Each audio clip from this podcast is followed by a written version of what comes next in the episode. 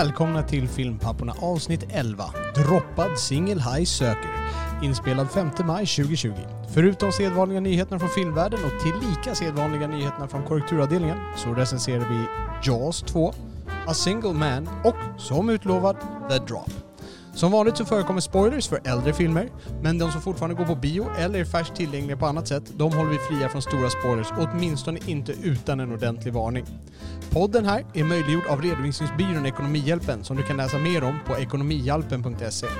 Och med det så lämnar jag över till våra värdar, läckre Oliver Grassman och jag själv, Robert Lindblad.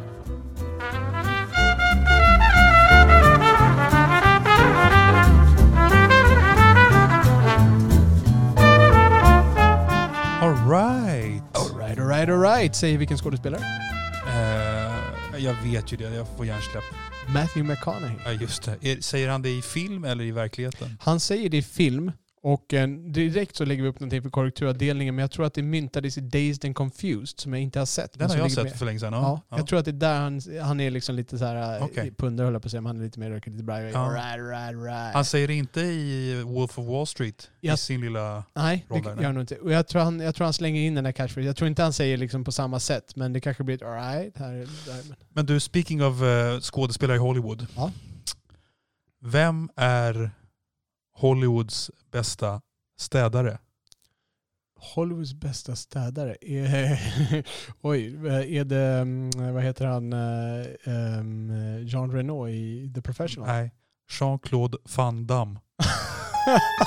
Nej fan, det var fel knapp. Var. Okej, okej, okej. En- gång till. Okej. Retake, retake. Men vad fan. Ja. Okej. Här, Det finns en knapp att hålla reda på nu. Okej, okej. Så Är du säker på att det vem var... och- Okej, all right. ja, det Ja, var... men du Robert, speaking of skådespelare i Hollywood. Ja, Oliver. Vilken, vilken är Hollywoods bästa städare? Jag vet inte, är det Jean Reno från eh, The Professional? Nej, men Jean-Claude Van Damme. Oh yes! Oh, yes. Baby rim shot, straight in the basket. Varför kallar man det rim shot? Är det för att man... Är, alltså, jag rim vet- shot tänker jag på basket. Jag vet inte, inte rimshot, att, att liksom, den går inte, det är inte en swish, den studsar liksom på kanterna lite grann. Ah, Okej, Jag tror det, och då låter det sådär. nästan. Ja. Ja. Eh, För er som inte vet vad vi pratar om så rimshot det är det man brukar kalla den här trumvirveln som de drar när eh, en komiker drar ett skämt. Okej, Ja. men prata, var det jag som associerade till basket helt och hållet? Eh, Jag associerade till basket. Ja, du gjorde också? Ja, Jag tänkte om det fanns något så här för att de slog på kanten av trumman Ah, eller sånt där. all var right. ja jag känner mig fruktansvärt närvarande här. Ja. Perfekt. Mm. Välkomna till Filmpapporna. Eh, eller numera Rimshot-papporna. Yes. Oliver, Ja. jag tror att du har en fråga. ja, det har jag. Jag tänkte höra med dig, av alla filmer du har sett, vilken har varit den största besvikelsen i förhållande till förväntningar? Oj. Ehm, ja, det är nog... ehm, det är lite svårt att kategorisera. Jag, men det måste nog ändå bli Star Wars Episod 9. Eh, för att jag hade, jag hade inte höga förväntningar. Förlåt, Men- det är alltså den som kom typ 99 som kom... Nej, nej, nej. Det är den som kom nu i somras. Ah, det är Eh, den? Okej. Ja, precis. All right, ja. Den är hyfsat färska. Och eh, jag hade inga höga förväntningar. Men den var så kardinalbajsig. Den var Okej. så kardinalbajsig. Så Ja. att det är liksom, det, det hade säkert gått att göra sämre, men eh, inte mycket. Men du, och du har liksom en... Liksom, jag vet ju vilka favoriter du tycker mest om av alla de här Star Wars-filmerna. Men du har, liksom en viss, du har haft en viss behållning av alla fram tills den här. Helt klart, Ja. absolut. Och jag var inte en av de som hoppade av tåget vid episod 8 som många andra. Nej. Utan jag, jag var på, det var annorlunda. Jag, jag gillar ju annorlunda. Jag gillar originalitet, jag gillar när de tar det på ett annat spår. Så att eh, absolut, jag köper det. Men de måste knypa ihop säcken bra. Mm. Det, det finns många historier att berätta. Jag ska inte gå in på varför det blev som det blev. Men den, eh, den, det är en dålig film i sig. Även du, du kan tycka att det är en dålig Star Wars-film och du kan tycka att historien inte tar väg var den ska. Men det är också en dålig film sett till, till takten, sett till hur de bygger upp handlingen, sett till hur, de, hur den knyter an Ja. till de andra filmerna. Regi, skådespeleri, hela kittet. Ja, absolut. Ja. Ehm, Okej. det, är det är ett bajsigt manus tror jag man får skylla på. Ja. Det är manuset. All right. Ja, så det är väl det. American Beauty kan jag nämna, som en bubblare. Ja, du, Eh. du, trodde den skulle vara bra? Jag trodde att den skulle vara någorlunda bra. Mm. Men jag satt och vred mig i salongen där. Så det var så pretentiöst eh, så det var skrek om det. Ja, Det intressant. liksom, ja, makes an hard fart shit. Oliver, vad har du för rullar som du har blivit grundligt besviken på? Jo, nej, men jag har faktiskt en, eh, en ganska given vinnare och det är liksom sett till förväntningar jag hade då. Eh, och det är, nu kommer vi in på Ridley Scott igen här. Okej. Eh, Hannibal, Ja, just det. uppföljaren till När lammen tystnar. Jag, jag tror att den kom tio år efter När lammen tystnar. Där man hade bytt ut Jodie Foster mot Julianne Moore. Ja, och- och ehm, Anthony Hopkins var med och jag, jag, liksom, jag var medveten om att det finns väldigt mycket uppföljare som blir bajs. Men jag hade ju inte riktigt, ehm, på den tiden hade jag inte sett sådär jättemycket av Ridley Scott utan jag hade väl sett de två, tre filmerna som jag tycker är bra av honom. Eh, och jag, tycker, jag tyckte det var ganska intressant med att stoppa in Julianne Moore, det är en mycket kompetent skådespelerska. Absolut. Eh, men, men det var, Mother of Christ vad dålig den var. Den var så imbecilt berättad och, eh, eh, och, och vi har ju pratat om det tidigare om eh, eh, det här med hur, hur man musiksätter någonting för att speeda Vissa människor musiksätter musiken för att liksom speeda upp det och det, det liksom kanaliseras ut till någon slags otroligt talanglöst berättande. Det är så otroligt talanglöst berättad eh, film. Eh, och jag har för mig att det var någon ganska kompetent, alltså på pappret ganska kompetent manusförfattare som skrev det också. Ehm, Är inte den baserad på en bok som eh, de andra? det kanske den är. Ja. Det kanske den är. Ja. För det är det jag tänker, med uppföljare, det finns ju liksom olika typer av uppföljare. Det finns de här, oj, vi gjorde en bra film, nu måste vi hitta på en historia till så vi kan få in mer pengar liksom. Men det finns ju också de som är baserade på böcker, lite mer som Bond var till en viss grad i alla fall. Ja. Där byggde de, de tog en del noveller och byggde upp till långa filmer. Men ehm, där känns det ju inte som att man gör uppföljare på samma sätt. Där är det bara fler historier om samma karaktär. Mm. Lite mer legitimt. Det känns som att den här kanske borde i alla fall ha hamnat i den kategorin. Liksom. Ja, visst. Vilken, vilken var den första Hannibal-filmen? Eh, den är ju, alltså den första filmen om, om Ja. han den, Ja. det är ju, den heter ju, det är ju av Michael Mann. Ja. Eh, vad är det den heter? Jag kommer inte ihåg. Red Dragon. Red Dragon ja. Precis. Den, original, och, sen så gjorde de en Red Dragon. Sen gjorde de igen med Edward Norton som är typ i samma story som den i princip. Så kanske det är. Ja. Eh, nej, så är det. Originalet från typ 86 heter Manhunter. Så är det ja. Ja. Tack. Manhunter. Eh, och där jättebra. spelar Brian Cox Helt eh. Mm. Hannibal. Och han som är med i CSI, vad heter han? Michael, han den där skäggiga snubben. Eh, Jag tittar inte precis. som även är med i To, Die and live, to Live and Die in LA tror jag, som vi pratade om. Vad är han heter nu då? Eh, han, som ser ut som miljöpartisten Peter Eriksson. Gud. jag vet vad jag menar. Vad fan, jag vet, ah. Eh, han heter. Michael någonting. Får ska det bli correction så ska, jag, ska vi sitta här Vi och... får nog ta korrekturavdelningen för annars Ja. kommer vi sitta och föda ett barn här. Ja visst. Men Manhunter är den första och sen så kommer då eh, eh, remaken med Edward Norton som heter Red Dragon då 20 år senare, Ja, just det. 15-20 år senare. Och Ja. jag tror boken hette Red Dragon, var det inte så? Så kanske det var. Så döpte de filmen Ja. till Manhunter. Så att egentligen, När lammen tystnar var uppföljaren. Precis. Och, det här, är- och Hannibal blir då tredje Mm. delen i den serien. Mm. Och Red Dragon blir någon sorts inklippt omskrivning då.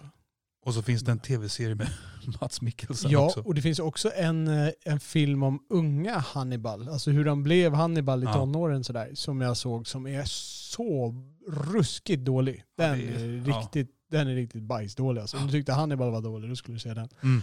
Den, var, den har inte riktigt samma budget som Hannibal men det... Och det hade kanske inte samma förväntningar Nej, heller. det hade den inte. Men Nej, nej, gud, nej. den är riktigt dålig.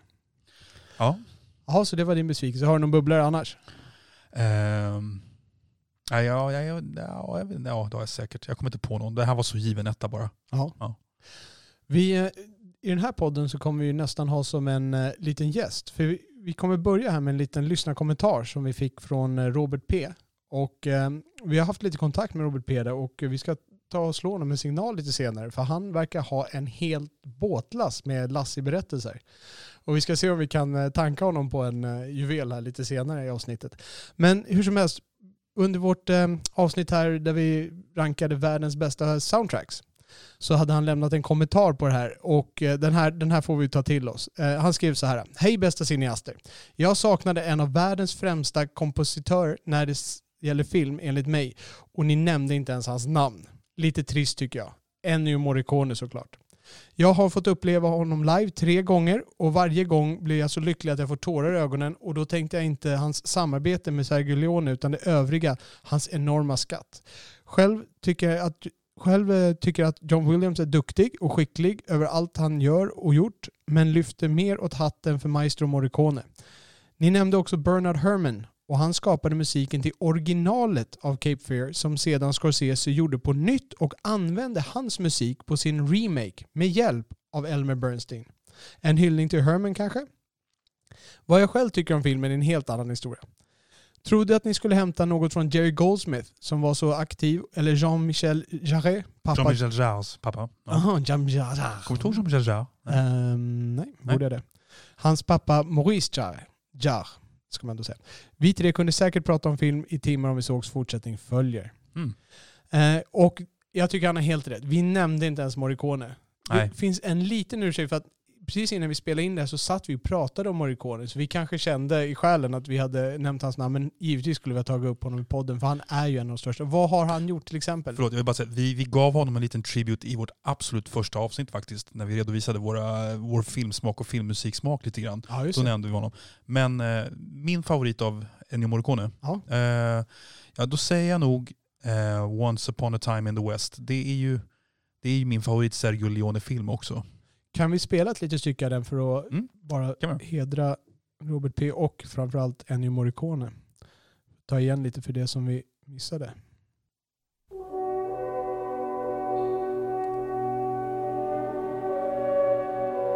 Då är det här stycket Once upon a time in the West Final. Det är från slutet av filmen.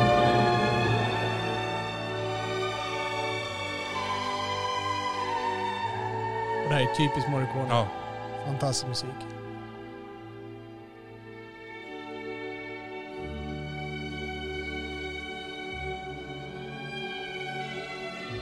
Är det här en bra film? ja, den är jättebra. Okej. Verkligen. Vilka är det som är med i den skådespelmässigt? Var det Charles Bronson? Charles Bronson i huvudrollen, sen är Jason Robards med som en bad guy. Eh, Claudia Cardinale. Okej. Kom inte ihåg det är någon, det är någon till känd. Jag måste lägga till den här på mina titta på listan. Mm.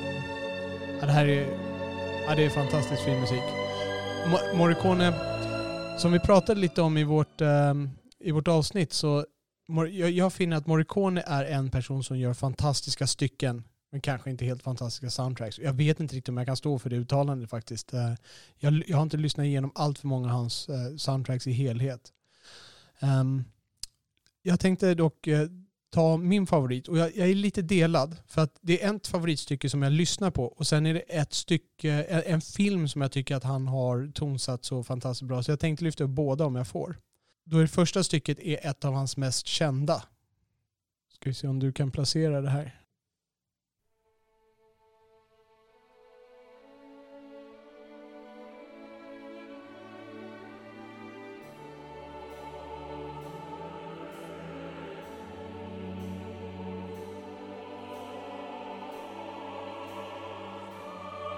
Ja, det är tjusigt. Fantastiskt.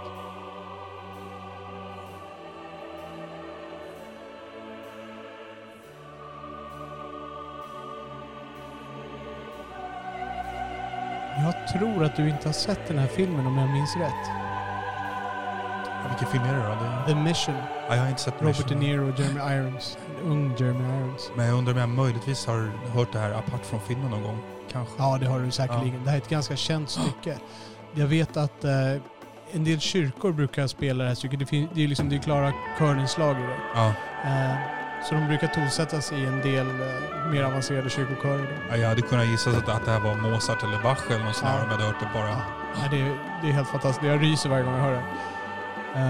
Och det är Ennio Morricone. Så det är väl mitt eh, favoritstycke. Men sen finns det en film som eh, i titeln liknar din väldigt mycket. Det är Once upon a time in America. Just det. Men då är det alltså inte västern, utan då är det gangsters som vi talar om.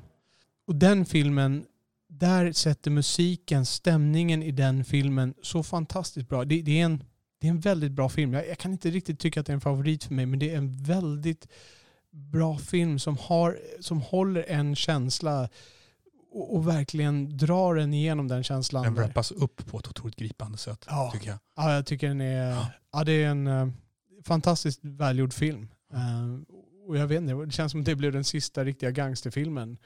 Ja, nästan där, alltså. Ja. Eh, hur som helst, här har vi då det som heter, från den filmen som heter Deborah's Theme. Och Deborah det är ju då en kärleksintresse som ett par personer slåss om, kan man kalla det. Slåss om. Kämpa för.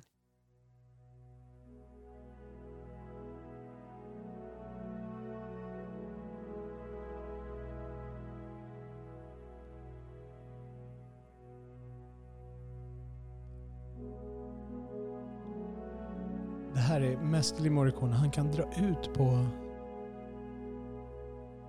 Är det här på slutet när eh, liksom De Niro har sin scen med James Woods eller vad det är?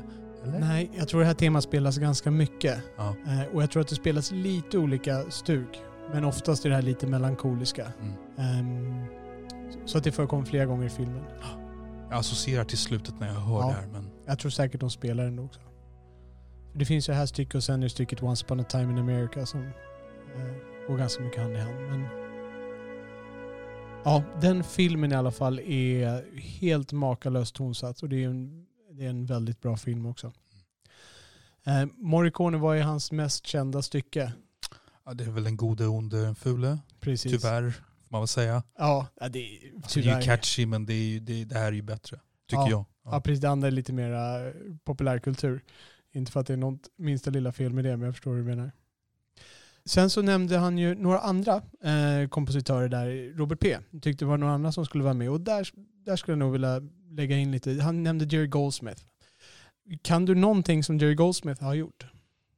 Eh, har inte han, har han gjort några, har han gjort något Star Trek-relaterat? Eh, ja, visst har han gjort Star Trek-relaterat. Mycket bra. Ja, det är det jag förknippar honom med. var, var imponerad jag av Just för Star Trek dessutom. Det, ja, det var verkligen Men han har ju också gjort eh, soundtracket till en fantastiskt bra Ridley Scott-film. En av de två man kan säga, säga de orden om. Ständigt denna Ridley Scott. Ja, precis. Och det är ju Alien. Mm. Eh, jag tycker dock att Aliens, uppföljarens soundtrack, är bättre. Eh, det är gjort av James Horner. Och jag, jag tänkte illustrera det lite snabbt här. Det här har vi ett stycke från Alien. Och jag kommer ta de här lite... Eh, det här är stycket Main Title från Aliens. Jag kommer ta ett liknande stycke sen från Aliens. Så det här är från Alien, den första filmen av Ridley Scott.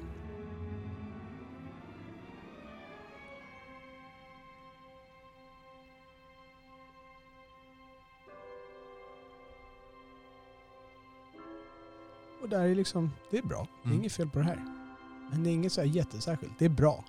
Jag tycker man får en, nu är det jättelänge sedan jag såg Alien, men jag tycker man får en väldig rymdkänsla av det här. Ja. Men, får jag då strypa den här och istället lyfta över dig till James Horners utveckling av det här temat. Som jag tycker än bättre belyser rymden, tomheten.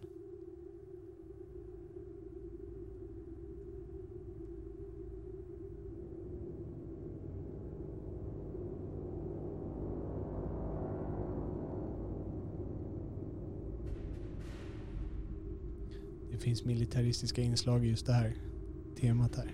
För här blir det ju mera pang pang.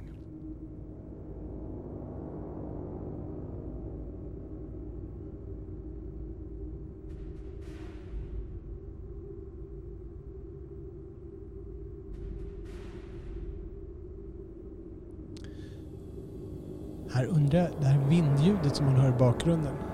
Det är någonting de gör instrumentalt. Eller om det är någonting som...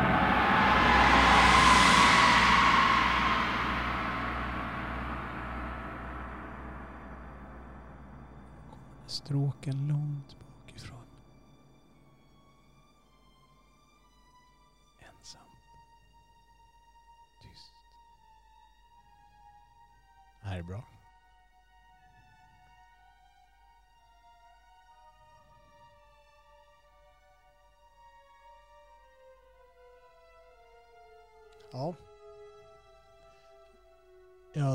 stryper ner den där även om jag är sugen på att sitta och lyssna på det här mycket längre. Så det, det är lite, där är, tech, där är liksom, jag håller i Horners version av Alien, Alien Soundtrack då högre.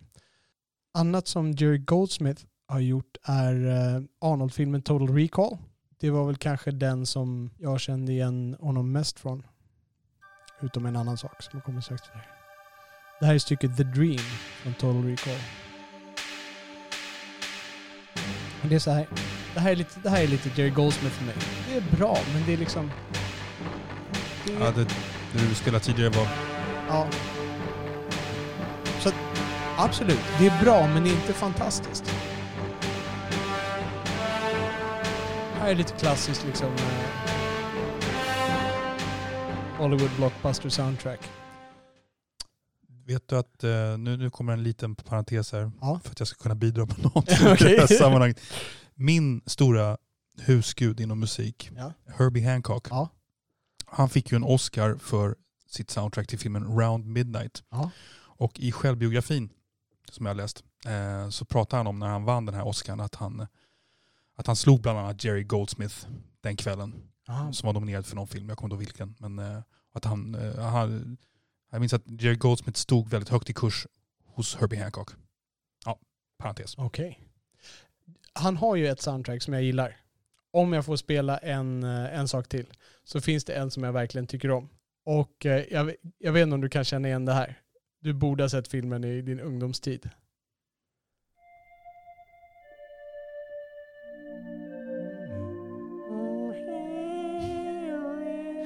Robert bidrar med en extra stämma där. Ja, absolut. För det är ungefär så det låter i filmen. Jag kunde härma huvudkaraktären här.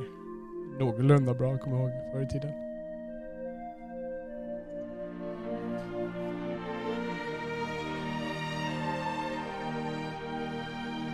Det började mer originellt eh, än vad det fortsätter i. Ja. Vi ska höra. Snart går det över i filmens huvudtema, om man kan kalla det. Då får vi se om du känner igen det. Det här är Jerry Goldsmiths bästa soundtrack i mina ögon.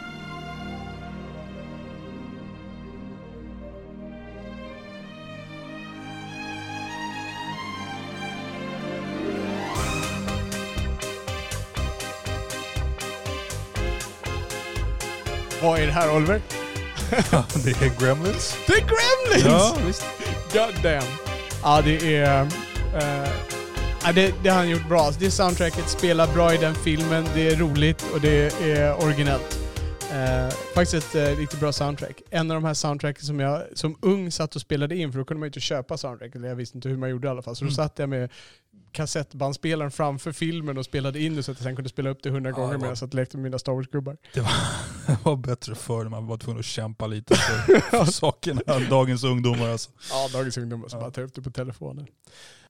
Han pratade om det här med Cape Fears. Eh, stämmer det? Att, att, alltså det? Det soundtracket som Scorsese använde i sin film, var det en remake av soundtracket från originalfilmen Cape Fear? Det är någon slags adaptation.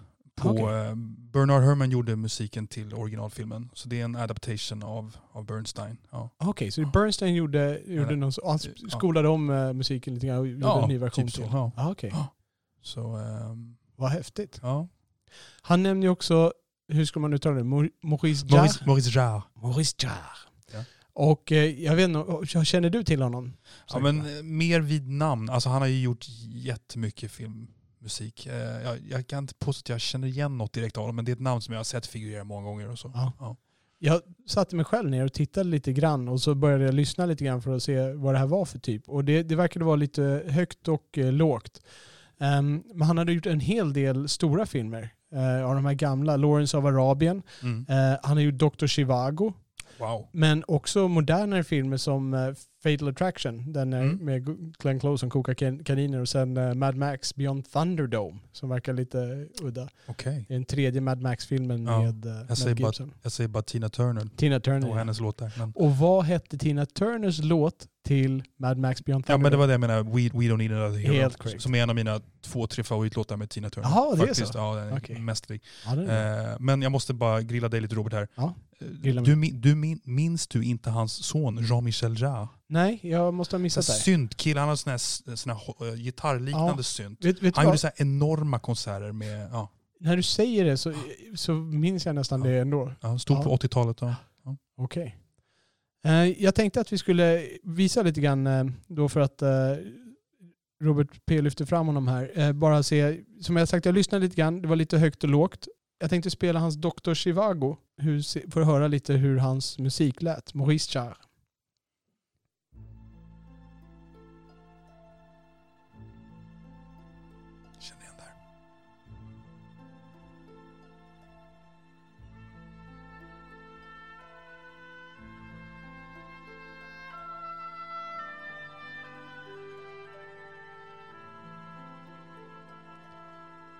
Om jag skulle säga att det här är lite i samma stil som Morricone. Lite i samma anda snarare än stil. Ja. Men inte riktigt lika omfattande. Inte riktigt lika bra. Nej, inte riktigt lika bra. Ehm, sen visade det sig faktiskt att eh, han hade gjort, eh, Maurice Jarre har gjort ett stycke som jag tycker väldigt mycket om. Jag tycker väl kanske mycket om det för att det är en film som jag tycker väldigt mycket om. Jag tror att det är en av mina tior. Eh, får se om du känner igen det här stycket. Är det någon karatefilm? Nej. Nej. Bra gissning.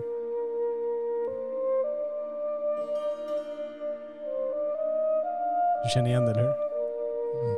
Jag vet inte, jag får någon bild av någon stor äng bara spontant. Men Ja, det finns en stor äng utanför skolan där den här utspelar sig. Och de spelar även den här väldigt pompöst i slutscenen när han ställer sig på skolbänken och säger Captain my Captain. Okej, är det pang i plugget eller? Nej, jag skojar. jag skojar. Ja men det är väl Döda Poeters Sällskap då. Ja, hade jag haft corona skulle jag hosta på den. Ja. det är Döda Poeters Sällskap. Eh, Ett stycke jag tycker mycket om, men kanske också för att jag tycker om filmen väldigt mycket. Om jag säger att eh, där hade vi ett par höga då för Maurice Jarre. Jag tänkte ta fram en lite lägre. Det här är stycket Building the Barn från filmen Witness. Vem var stjärnan i filmen Witness? Är det um, Paul Newman? Nej? Nej, Witness. Han åker ut och eh, ska dölja en eh, mormonpojke, där, eller skydda en Ja, mormonpojke eh, som blivit vittne till mord. Harrison Ford. Harrison Ja, Ford. vittne till mord på svenska. Ja, så kanske han hette. ja. Eh, här kommer Building the Barn, Maurice Jarre från filmen Witness. Och redan nu säger att det här är dåligt.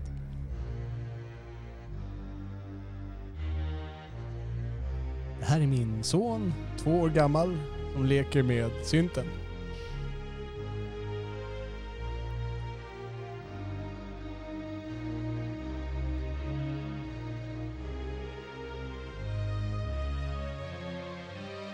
Jag vet inte vad för känsla som ska frammanas av det här. Nej. Ehm, så högt och lågt och det här var, det här var till den lägre skalan. Jag ser att han även gjorde filmen till eh, filmen The Year of Living Dangerously med Mel Gibson. Har, det är en sån här film jag har velat se. Vad är det från för årtal där? 83. Det är någonting jag missat helt. Ja. Jag känner igen titeln. Jag har för mig att vi har pratat om den tidigare också. Kanske, ja. Jaha, ja, det blev ett ganska eh, långt lyssnarsvar här. Men vi tackar Robert P för, eh, för det. Och eh, efter korrekturavdelningen så ska vi faktiskt eh, ta och slå honom en eh, pling tänkte jag. Kul. Och lyssna lite mer. Så låt oss glida över till korrekturavdelningen. Får jag börja? Eh, ja, Jag det får har absolut. en liten egen som jag slogs av faktiskt två sekunder innan vi gick in här. Okej, slå Eh, mig. Vi pratade ju om eh, coola karaktärer och då hänvisade jag till filmen Heat Ja, just det. eh, och en one-liner av Tom Sizemore som blev helt fel när jag sa den i vår inspelning. Okej, Så jag ska försöka säga den rätt nu. okej, så hur låter den? For me, the action is the juice. Ja, just det. Ja, just det. Det, det, lät, mer, eh, det lät mer korrekt. Ja, Ja. så. Eh, Jag tänkte rätta mig här. Jaws 2 sa jag att det var den första uppföljaren i Hollywood som faktiskt använde nummer två i sin titel. Och här måste man vara noga med att det är den första Hollywoodfilmen som använder siffran 2. Det finns andra filmer som har gjort det. Det finns en film som heter Quartermass 2 från 1957 och det finns en film som heter Sweeney 2 från 78 som också släpptes precis innan, eller som släpptes innan Jaws 2. Så Jaws 2 var den första Hollywoodfilmen som använde siffran 2 i en titel. Då. Okej. Filmen Chariots of Fire Ja, kom ut år 1981. precis. Och vi nämnde den för dess kända soundtrack som är gjort av vem då? Vangelis. Helt coolt. Ja. Jag trodde man sa Vangelis. ja, det gör man säkert. Eh, ominous, vi använde bägge det ordet tror jag utan att riktigt veta vad det svenska ordet var. Ja, vi lyckades inte komma på det vi hade på Nej. tungan. Eh, olycksbådande. Skulle vi ha sagt. Ja. Sen var det Sagan om ringen här och nu är jag jättesugen på att spela den här sången men jag ska inte göra det, jag sparar det till någon annan gång. Hon som gjorde sången i andra Sagan om ringen-filmen, alltså The Two Towers, hon hette Emiliana Torini med lite uttals eh, ursäkt där för hon har en lite accent över e som jag inte riktigt vet hur man ska bända till. Men Emiliana Torini gjorde sången som heter Gollums sång. För i varje Sagan om ringen-film så har de tagit in en kändis som då har gjort en sång. I den första var det Enya och i den tredje så var det Annie Lennox. Okej, det här var den minst kända av de Men tre. helt klart den minst kända. Ja. Ja, musiken till tv-filmen The Ewok Adventure den skrevs inte av John Williams utan av Peter Bernstein. Precis. Det finns många musiker som heter Bernstein, har du tänkt på det? Ja, just det. Mm. Regissören till Devil in a Blue Dress, han hette Carl Franklin. Vi kom inte på det när vi satt där och Nej. stretade lite efter det. Mm. Eh, Nicolas Winding Refns vikingafilm, den heter Valhalla Rising. Inte bara Valhalla utan Nej, exakt. Valhalla Rising. Jag kallar den för Valhalla där. Mm. Och sen, hur var det nu? Du, du trodde att Mads Mikkelsen var med i Bleeder, var han det? Ja, det var han. Eh, Det var han. Och eh, en annan figur från Pusher som också är med i Bleeder, det är den här skådespelaren Zlatko Buric. Han som håller på och säger Hej Franke, du är min vän i, i Pusher. Även han är med i Bleeder. Vad heter han i Pusher? Jag kommer bara ihåg att han säger Franke hela tiden för att det heter ju Ja, nej, Kim Bodnias karaktär. jag, tror han heter, jag tror att han hette, heter Milo. Milo, ja men det, det Ja. känner jag igen. Ja. För han är ju den karaktären, han är den enda karaktären som är med alla tre tror jag. Precis. Eller om han har någon hantlangare som är med också. Ja, mer på um, Valhalla Rising. Jag gissade faktiskt fel eh, när det gäller årtal för Oj, första gången. Ja. Jag gissade Klart ändå. 2004, 2005, men Valhalla Rising den kom så sent som år 2009. Och anledningen till att vi började prata om den var för att jag såg den på bio. Det var en kille som åt popcorn som det inte fanns någon stopp. Sen pratade vi lite om Valhalla Risings budget, Robert. Och eh, du var inne på att det skulle vara en, en lågbudgetfilm. Ja, Men inte så låg budget för att vara en nordisk film. Den hade en budget på 5,7 miljoner dollar. det skulle jag ju säga att det är en lågbudgetfilm ändå. För de, För en nordisk film? Ja, men jag tror att de gjorde den här i Hollywood-regi. Eh, Jag, så jag, måste bli, ja, jag Ja. måste bli lite osäker nu för jag tror att de pratar engelska i filmen. Okej. Eh, Jag blir lite osäker men jag, jag, är- jag är hyfsat säker på det men jag är osäker. Mm. Men den floppade ju i alla fall monumentalt i förhållande till budgeten. Tjänade bara in 276 000 Ja, US precis. dollar. Ja, och så att jag, jag står för en procentandel av intäkterna till den filmen. Alltså. Eh, sen var jag ute och cyklade där. Jag, jag fick ju för mig att Three Billboards Outside Ebbing, Missouri var en Coen-film, men det är givetvis inte. Det är ju Francis McDormand som är med i den, som även är med i Coens Fargo. Filmen är dock regisserad av Martin McDonough. Och det är inte bröderna Robert. Det är inte bröderna Coen alltså. Och while on the subject of bröderna Coen så pratade vi om en film som vi har sett ihop eh, som handlar om en man som blir bedragen och får cancer och helt miserabel film och den heter A Serious Man och den kom också 2009 precis som Precis. Jag kommer inte ens ihåg vilken du menade när vi pratade, men sen kom jag på, jag kom på framsidan, jag kom inte på titeln, där på framsidan han står uppe på ett hustak. Jag kommer Mm. ihåg att vi hyrde den. Ja. Jag kommer ihåg att det var ditt förslag och det är väl en av de få filmer du har hyrt som jag tyckte var... Äh. Var det verkligen jag som, som eh, klubbade igenom den? Det var absolut du som Okej. propsade på A Serious Man. Okej, Ja. all Um, sen var det Snakes on a Plane. Jag fick för mig att den var crowdsourcad. Alltså det vill säga att uh, de hade tagit in bidrag då för att starta den här filmen. Men nej, Snakes on a Plane var inte det. Det hade bara blivit en fluga på nätet där folk hade pratat om den här filmen. Uh, de hade hört titeln, de hade hört vilka som skulle vara med. Och så blev det en fluga att, liksom, att försöka skriva ihop saker om den här filmen. Och det studien gjorde, New Line Cinema, var att de tog med lite av den här feedbacken de fick från, Eh, från alla som satt och skrev det här och, och la in det i filmen. Så det var egentligen det enda som ja, publiken hade påverkan på den här filmen. Det fanns ingen crowdsourcing eller någonting sådär. Det hade fått helt om bakfoten. Ska vi, vi ska inte prata om filmens kvalitet här kanske? Eller? Nej, jag har faktiskt sett en och nytta av den. Du har sett hela Jag har filmen. faktiskt sett hela och jag blev ganska road av den för att den är så bizarr. Men är den inte så dålig så att det, här går liksom inte Jo, nej, men den är så dålig så att man skrattar åt och så skrattar man, så pratar man med folk efterom, efteråt eh, om den, om hur dålig den är och hur komisk den är. Så att den har någon slags dålighetscharmvärde. Okej. Ja, det tycker jag. Sen fick vi faktiskt en eh, kommentar här på vår hemsida från eh, vår lyssnare Birgitta Bellman. Och hon rättade oss. Jag sa att det var skotten i Prag som startade första världskriget. Men det var det givetvis inte, utan det var... Birgitta Bellman. Så, Tack återigen Birgitta, du rättar oss på många punkter. Och eh, precis, Ja. jag får eh, sluta försöka briljera med mina historiska referenser. Sen lämnade du en film med Bradley Cooper och Robert De Niro. Som vi inte kom på namnet där. Den heter... Limitless Precis. kom 2011. Ja. Nej, sen pratade vi pratade om eh, gangsterdramat American Me från 92 och då eh, började du eh, försöka lyfta en, en, en kultfilm film i genren och vi kom inte på namnet på Nej, filmen. och den jag menade var Blood in Blood Out som Yes. kom efter Mm. den här filmen 93. Jag undrar om det är någon annan, för du sa någonting till Live and Die in LA. Jag kollade upp det, men det är nog brottsdrama. Ja, ja nej, det är helt fel. Men jag, jag, jag associerade så att jag, jag vet att Blood in Blood out den utspelar sig i East LA. Det var så Okej. jag associerade. Ja. Okej, det var den filmen du tänkte på i alla fall.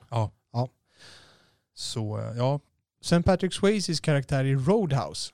Eh, han, jag, jag kallade honom Joe Dalton sen blev jag osäker, hette han Joe? Eh, men han, eh, man nämner aldrig hans förnamn. Man kallar honom bara Dalton filmen igenom. Och om man tittar på eftertexterna så står det bara Dalton. men det måste vara någon liten konstruktion i ditt huvud att, du, att du, det måste vara ett bröderna Dalton du tänkte Från på. Lucky Luke, helt korrekt. Ja. Ja. ja, Michael Madsen han spelade inte den här Felix Leiter i Die Another Day. Nej, jag, frågade, jag föreslog att det kanske var det när du sa att han var en CIA-agent. Men han var en karaktär som hette Damien Falco. Okej. Mm. Han var bra. Då var det korrekturavdelningen. Så ska vi då försöka slå Robert P en eh, signal och se om vi kan få någon juvel från hans eh, skattkista. Absolut.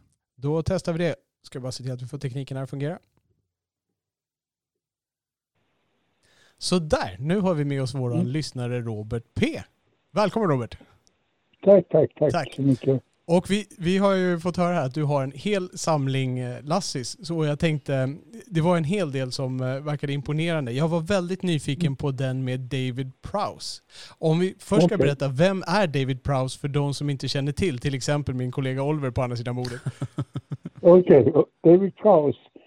Det, han var egentligen, han var Mr Universum till att börja med innan han blev allas Darth Vader. Vad, vad var han för någonting? Mr. Universum. Universum? Mu- muskel, muskelbyggare Jaha. och kroppsbyggare. Alltså Arnolds föregångare? Exakt, Ja, det mer visste eller mindre. Den, den man kände, jag vet att Sean, även Sean Connery hade väl någon kropps... Det finns några i den där gardet som hade kroppsbyggarbakgrund tror jag. Ja, just det. det Ja, ja, Sean Connery var också. Och han fick till och med, han kom ganska långt.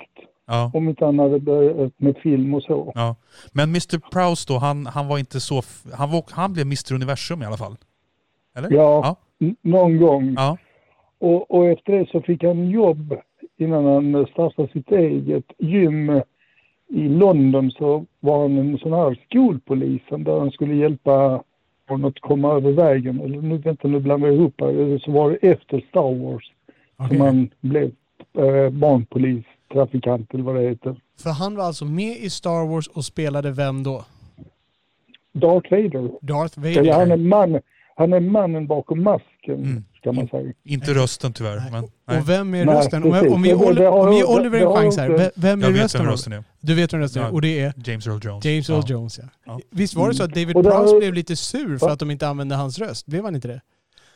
Jo, men det är det jag tänkte berätta för att när jag pratade med David Prowse så förklarade varför fick inte du prata? Och då säger han, ja, mm, ja det, det, det passar inte, jag har min cockney-dialekt och det skulle inte passa tyckte George Lucas och, och då valde de att eh, ta någon annan skådespelare. Och sen när jag pratade med Jeremy Bullock, och nu hoppar vi in till honom som spelar Boba Fett, just det. och då, sa jag, och då säger han att nej men David Prowse, han, han, han passade, hans röst det gick inte och George Lucas upptäckte att det fanns inga färgade skådespelare i Star Wars och då tänkte han, Jag kvoterar in en röst. kille här som pondus. ja.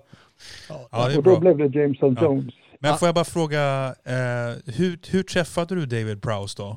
Vilken sammanhang? Ja. Eh, Det är så att eh, jag har en barndomskompis nere i Malmö. Jag är från Malmö ursprungligen. Och det är en kille som heter Jesper Isberg. Han har en massa sådana här eh, sci-fi conventions. Och hans första convention var nere i Malmö innan han kom till Stockholm och Göteborg överallt. Och, och jag älskar film som man visste och då frågade han om jag kunde vara hans assistent David Prowse, ta hand om honom och hjälpa att tolka och översätta när folk kommer och vill ha autografer. Vad coolt. Coolt. Du skjuts, skjutsade du honom i bil också eller? Ja, ja absolut. Jag, har andra, jag har en massa historier att berätta om det också. Så jag hjälpte honom kanske tre gånger. Så skulle man springa på honom på gatan då skulle han komma fram till mig och prata om gamla minnen. Mm. Det är så. Men nu är han, men nu är han pass så gammal. Så, Men David Prowse lever fortfarande. Men Peter Mayhew, han är död. Visst är det så?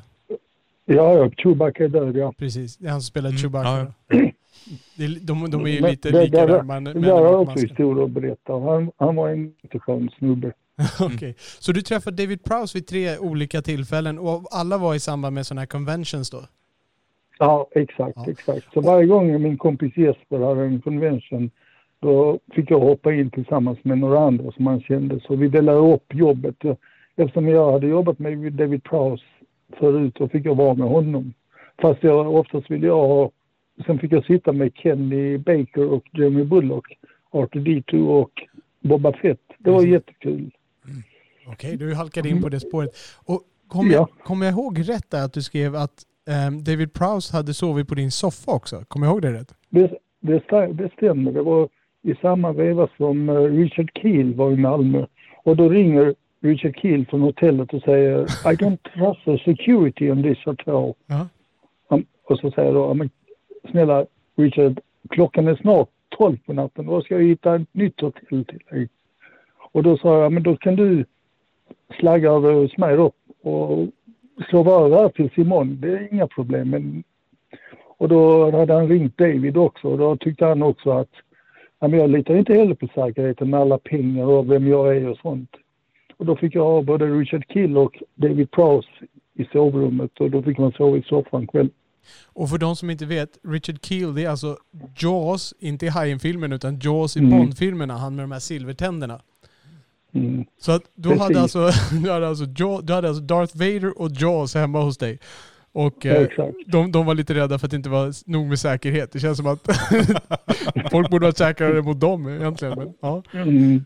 Ja. Nej, det, det, det var, jag kan bara lägga ett snabbt inlägg. När jag skulle hämta Richard Keel och Peter May från flygplatsen i Sturup utanför Malmö. Alltså man kände igen dem direkt. De är jättelånga. ja, visst. Och, så kommer, och så kommer de haltande för de satt väldigt obekvämt eh, i flygplanet av någon mig. anledning. Och då kunde de inte gå ordentligt så då fick de använda mig som en eh, sån här krycka och stödja sig på. Okej. Och det var det nog det värsta jag fick vara med om. Och sen fick de knappt plats i bilen också, men det är en annan historia. Men- Från att ha varit Mr Universum så förr eller senare börjar vi alla halta kanske, Tydligen. kan man säga. Ja, ja. Men om vi går tillbaka till David Prowse. Mm. Där han, han var, jag kommer ihåg att han hade en dispyt med George Lucas andra gången jag träffade honom. Ja. För att på alla autografer så skrev han David Prowse is Darth Vader. Ja. Men då hade han fått en pik av eh, George Lucas personligen. Det vet jag inte om det var, men om det var Lucasfilm att du får absolut inte skriva is Darth Vader. Så om man kollar sen i andra foton som han signerade, då står det bara David Prowse, Darth Vader, inte is. Aha, okej. Så, så det är ganska kul. Och han, eh, jag frågade honom, men, men hur blev du Darth Vader egentligen? Och då sa han, ja men det är så att eh, jag kan tillägga David Prowse var med också i Kubricks Clockwork Orange. Han spel- hade en liten, liten roll där också. För det, och det är den enda filmen där han visar ansiktet. I alla andra filmer han är med i, sådana här Bea, Hammer skräckfilmer, då har han alltid mask på sig. Ja. Men just i Clockwork Orange, där fick man se hans ansikte. Det är typ- den här scenen när eh, Malcolm McDowell kommer in till den här som han har slagit ihjäl nästan och våldtagit hans fru. Ja. Så, och då är det en, har han anlitat en stor bodybuilder och det är Ja. David Prowse. Aha. Mm. Då ska vi se om jag kan hitta Så- ett klipp på det där på YouTube kanske och lägga med i Ja, men gör det. Ja. Du känner igen om han har röda tajta badbyxor. Han Ja, klok ut. Hade lite roliga kläder i den här filmen överlag. Ja. Och sen stora glasögon, lika stora som Coca-Cola-bottnar. Så Men avslutningsvis, du, du har alltså, jag, jag måste bara få den här bilden framför mig. Du har alltså David Prowse och Keel hemma hos er, Richard Keel. Och det här är inga Mm. små herrar. Och jag, jag vet inte hur stor din soffa är. Men hur, hur löste ni det här rent praktiskt? Hur sov de här jättarna liksom? De, jag- jag sov i soffan som sagt och den fick de inte plats i. Så de fick sova sked i, mitt, i min säng. Jag har en lite, nästan som en dubbelsäng. Så, Okej, så att David Prowse och Richard och sover Mm. sked i din säng. Och var rädda för securityn, eller hur var det? Ja. Ja. Och sen på morgonen kommer jag ihåg, och David, David var väldigt kräsen och Richard hängde på för att han tänkte, det var inte ofta han gjorde sånt där. Det var ju den vevan han började åka runt och skriva autografer. Så han visste inte riktigt hur man skulle bete sig så han följde efter David. Och eh, då kom jag upp på morgonen. Vad vill ni ha killar? Uh, we take a cup of coffee please. Ja. Uh, no, no, no, we change our mind. We want some tea. Do you have a tea? Och sen, nej. Uh, do you have a cocoa? Så jag fick hålla på och serva dem höger och vänster. och sen, så de kunde inte bestämma sig. Och det är samma sak sen när man hjälpte David Prowse på mässan. Då var det samma sak. Robert, I'm hungry. Can you get me some sandwich? Okay, David. What do you want on your sandwich? Uh, maybe some ham or cheese, but no tomato. Och så går man med mackan. Oh, I'm sorry. Ask them if they have a pizza. It's like a pizza instead. Vad är det Och för så typ? Så de var helt hopplösa på det sättet. Primadonnor säger du och skakar på huvudet. Och sen samma sak också när barn kom fram och skulle skriva en autograf så hade kanske någon kille hittat en eh, biljett eller någon reklamlapp och så kom han fram. Kan, kan, kan jag få hans autograf? Ja, visst. Vad heter du? Ja, Richard. David, his name is Richard. Can you write your autograph on this paper? Oh, come on, Robert. What, on that ticket? No way. Så då fick man förhandla. Men det var en kille, vad är det med dig? Ja, Han blir bara glad. ja. Och sen alltid när vi satt på mässan, han satt som fastklistrad på stolen. Han reste sig aldrig förutom när mässan var slut. Och då frågade Richard, David, du måste gå på toa någon gång, du är väl kissnödig? No, no, no, no, no. Tänk om jag missar någon av mina fans, vad skulle jag göra då? Ja, men jag, och jag är ju alltså, jag tar hand om dem, de väntar på det sagt. Nej, nej, nej, nej, du, du, nej, nej, jag väntar tills det finns tillfälle, men inte nu. Nu kommer fansen snart. Så han gick aldrig på toa eller så, han var så rädd att missa någon. stor kropp, stor blåsa får man väl säga. Ja, Robert, eh, vi måste tacka Mm. dig fantastiskt mycket. Det här var en pärla och eh, kan, Mm. vi, kan vi kanske ringa dig någon annan gång? För det lät som att du hade en hel säck av, eh, av sådana här juveler. ja visst, det är bara att prata och fråga vem ni är intresserad. Jag kan prata om Bo Widerberg också om ni vill, eller Ja, det vore intressant att ha någon gång också, Så absolut. det, det, det skulle vara mer i Olivers Ja, bakgård. det är min stil tror jag. Ja. Eller ja. Ja, Ja. ja. Bo Widerberg sen Larsson 3. Det är så, jag har så mycket Mm. att komma med om det är något ni vill. Vi kan fortsätta med Star Wars för de har varit de roligaste att jobbat med. Okej, jag ska inte berätta hur Oliver slog huvudet i bordet precis men... Nej, men jag, tror, jag tror att du har en väldig bredd på dina, din, din eh, vad kallar man det för, din, din Lassie-kanon här. Så vi kan Mm. nog hitta både lite Star Wars, lite Bo Widerberg och ja, Mm. det blir bara kul. Lars von Trier lät mer... Von Trier också. Ja, det är nästan en roligare kanske. Faktiskt. Mm. Ja, men Robert, med det så säger vi jättestort tack eh, och på, eh, på återhörande. Och tack för att du lyssnar. Ja, tack så mycket. Tack Robert. Ha det jättebra. Ha det bra. Hej. Hej. Nej. Oliver, det där var en, eh, det där var en riktig guldgruva. Ja, det var sjukt kul att lyssna på faktiskt. Ja, faktiskt. Jag, jag blir nyfiken på att gräva mer i den eh, påsen måste jag säga. Men kul också, kul också med, jag vet inte, kul med eh, nyanserat porträtt. Både lite ris och rosor till de här karaktärerna. Ja, Jag verkligen. det. Ja. Sova på soffan med de där giganterna, men de fick sova sked i sängen. Det var, det var kronjuvelen i hela tror jag. Eh, och på tal om kronjuveler så ska vi eh, tacka vår möjliggörare. Eh, Ekonomihjälpen som möjliggör den här podden. Vi sitter här i Ekonomihjälpens lokaler, vi använder deras utrustning. Eh, Ekonomihjälpen är en redovisningsbyrå som ligger i södra Stockholm här i Tyresö. Utanför. De jobbar i stort sett Stockholm, men de kan även ta kunder ute i landet nu med alla digitala tjänster. Men det är i Stockholm de fokuserar så att de har närheten till kunderna. I de här tiderna, så precis som jag nämnt i de tidigare avsnitten, så är det ju väldigt mycket fokus på rådgivningen här. Och precis som alla andra redovisningsbyråer så kämpar de ju mycket nu mot att hinna med alla deadlines med inkomstdeklarationer och bokslut som har ju blivit eftersläpande på grund av att det varit så mycket rådgivning. Det är stort sett, vi har ju inte, den branschen har inte drabbats ekonomiskt, men de har ju fått mycket mer att göra. Så det är någonting de sitter och kämpar mycket med. Nu finns det omställningsstödet vi försöker hjälpa kunderna att få till det. Så tjejerna och killarna som jobbar där, de sitter och kollar igenom vilka som kan få- det här stödet, försöker hjälpa dem så mycket som möjligt och fokusera på det. I- För den här tiden är det viktigt att fokusera på att hjälpa företagen att till och med rädda vissa företag. Fokus får ligga på det. Är det någonting som blir sent då får det bli sent. Det är inte det viktigaste nu. Och det är lite så de jobbar. De är bra på att prioritera de här sakerna. De är bra på att prioritera företagen och människorna som sitter där. För det, de är en del av företaget. De har ju sin egen underslogan, en egen ekonomiavdelning och det är verkligen så de jobbar. De går in och sitter på det här företaget, de sitter på en stol där, de blir ekonomiavdelning, de är ekonomiansvariga, de delar på det. Det är deras företag helt enkelt. Det är, det är andan som finns där på Ekonomihjälpen. Så vi, vi tackar Ekonomihjälpen för att de eh, möjliggör vår podd. Tack så mycket. Jaha, Oliver. Yes. Vi har sett lite filmer också, eller hur? Lite grann, ja. Ja, var ska vi börja? Ska vi börja med att dyka ner i djupa vattnet kanske? Det tycker jag. Okej. För om jag säger brr, brr, brr, brr, brr, brr, vad säger du då? Då säger jag eh, Hajen. Hajen, helt korrekt. Jag hade faktiskt tänkt, jag satt och funderade på det tidigare. Vem, vem är det som har skrivit soundtracket? Det måste ju du veta. Är det, det är John Williams? Ja, det är John ja, Williams. okej. Ja. Och han gjorde även soundtracket till tvåan, men det var det sista. Och det är just Hajen 2, Jaws 2 som jag talade om tidigare, den första Hollywoodfilmen med en tvåa i sin titel. Eh, Jag tog mig an att se den. Jag saknade den lite i min eh, repertoar. Och eh, jag har ju hört lite grann om den här filmen. Och jag har hört hyfsat positiva saker. Det är givetvis ingenting att jämföra med Steven Spielbergs som gjorde den första filmen. Men Eh, däremot så skulle det vara en ganska okej uppföljare. Så att jag hade, jag hade medeldana förväntningar. Jag förväntade mig en, eh, en bra liksom, sån här sommarfilm och, som man kunde inviga våren med här och sitta och lyssna lite på John Williams soundtrack. Och John Williams soundtrack är inte av fack, det kan jag börja med. Det, det var bra. Han, han tonsätter den här staden, han tonsätter den här mysiga atmosfären.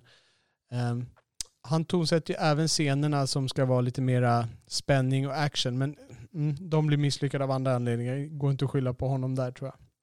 Så handlingen i den här filmen, för att börja där, så är det ju, de är åter till den här Amity, den här staden som de är i första filmen. Ko- Kommer du ihåg den första filmen bra? Alltså, Vagt måste jag säga. Har du sett den andra? Nej, jag har bara sett, nej. Du har bara sett den första? Inte tredje, fjärde heller? Nej. Grattis. Så att, eh, och det är nu några år sedan de har haft den här incidenten med den första hajen. Och det börjar med att det är två dykare som är nere och fotograferar det här vraket av båten som de använde i första hajen-filmen. Jag tror båten heter Orca. Och då är de nere och tar lite bilder och då kommer en haj och attackerar dem. Och de tappar kameran precis så att den tar en bild på hajen. Eh, man får inte riktigt se hajattacken utan man ser bara delar av dykarna och sånt där. Och redan här så ser man att det här kommer inte bli så himla bra för det här är riktigt dåligt filmat. Dels så, det, det är ett par problem som man redan kommer in på där men eh, låt mig spara lite beskrivningen på det. Sen så fortsätter det då med, eh, ja, man, de kliver in i staden, man ser han Brody spelad av Roy Scheider. Han är tillbaka. Ja. Ja, han är tillbaka. De betalar om ett båtlast med pengar för varorna och det finns massa historier om hur de bråkade om det där. Han är, han är fortfarande sheriff där och det börjar då efter ett tag så börjar det märkas att det är en haj som attackerar, det är en båt som exploderar eh, där ute på sjön och sen så ja, spolades upp en val och det är en, förstått, en späckhuggare spolas upp som har en massa bett tagna ur sig och det är först då de börjar misstänka att det kanske finns en haj där ute och då börjar Roy Schneider, Roy Scheider bli rädd här och så ska han då få den här byn och då är det lite samma stuk som i första filmen som de mal igenom. Och sen blir det då en kamp för honom att eh, få alla andra att förstå att det kanske finns en haj och givetvis finns det en haj och han måste eh, då ut och eh, försöka rädda dagen, vilket han då gör på slutet, spoiler. Eh, ja, och det är, handlingen är faktiskt inte, är inte roligare än så. Då, det är en mycket repetition av den första filmen handlingsmässigt. Mm. Man plockar ut vissa bitar i den där handlingen och så maler man igenom det. Eh, hans familj och mycket av befolkningen i staden, borgmästaren och de där, de är tillbaka. Däremot så ser man inte Richard Dreyfuss karaktär. Han var ju Mm. den här val, valforskaren eller hajforskaren. Eh, istället så kom det in någon annan donna som jag tror tog de repliker, några av de repliker som han skulle haft om han hade kommit tillbaka. De försökte få honom tillbaka. Eh, ja, det, det går inte riktigt att tycka att den här filmen är bra. Den här filmen är mer en slasherfilm. Okej. Om, om du känner till Ja, ja, visst. samma. Så det är ju Mycket blod och... Ja, alltså, det är gjort liksom, det ska komma en attack och så ska de dö på ett spektakulärt sätt. Mm. Men den här regissören som heter Janos Svak, S-Z-W-A-R-C, Svak. Ja, med ett sånt Ja. namn. Han är, han är ingen actionregissör. Han är inte så mycket regissör och hänger i granen överhuvudtaget. Men som jag nämnde den här första scenen när de attackerar dykarna. Den visar båda problemen han har. Dels har du hajen, för man ser ju det här från hajens perspektiv när Mm. den simmar bland tången. Men det skapar ingen känsla av vart han är på väg. För här ska det vara lite grann, man förstår ju att han är på väg mot den här båten. Men, men då vill, skulle man ju vilja se det så man verkligen får känslan av att oj, han håller på att närma sig de här fiskar, eller de här dykarna eh, vid, vid skeppet. Eh, så att det byggs upp någon spänning där. Men nej, utan det, det är lite grann så här, ja, man, ser, man ser någon som simmar mellan tång och så ser man några dykarna, de tar bilder och är glada. Och så ser man någon som simmar mellan tång och så dykarna som tar glada. Och så ser man någon som simmar mellan tång och så dykarna som tar bilder och är glada. Och sen så går hajen där liksom. Från ingenstans. Mm. Och, och sen när den då väl attackerar, hur man ser det här. Du vet, en dykare, han börjar snurra runt och här grejer. Det finns ingenting som är någon logik till hur hajen skulle göra. Om man tittar den första hajen, Mm. där hade de ju läst på lite grann. Den första hajattacken, då är det en tjej som eh, är ute och simmar och så blir hon tagen, liksom, dragen ner lite grann först där och sen så tar hon tag och så simmar hon liksom en bit med dem. Och det är lite mer hur hajar attackerar, hur skulle det se ut? Men här är det liksom, det bara snurrar i vattnet, det kommer ingen blod, det är bara, bara, bara det är så här jättedåligt. Och det satte verkligen tonen på vad den här filmen kommer att prestera. Den andra attacken när de attackerar en båt, för att numera attackerar hajar båtar.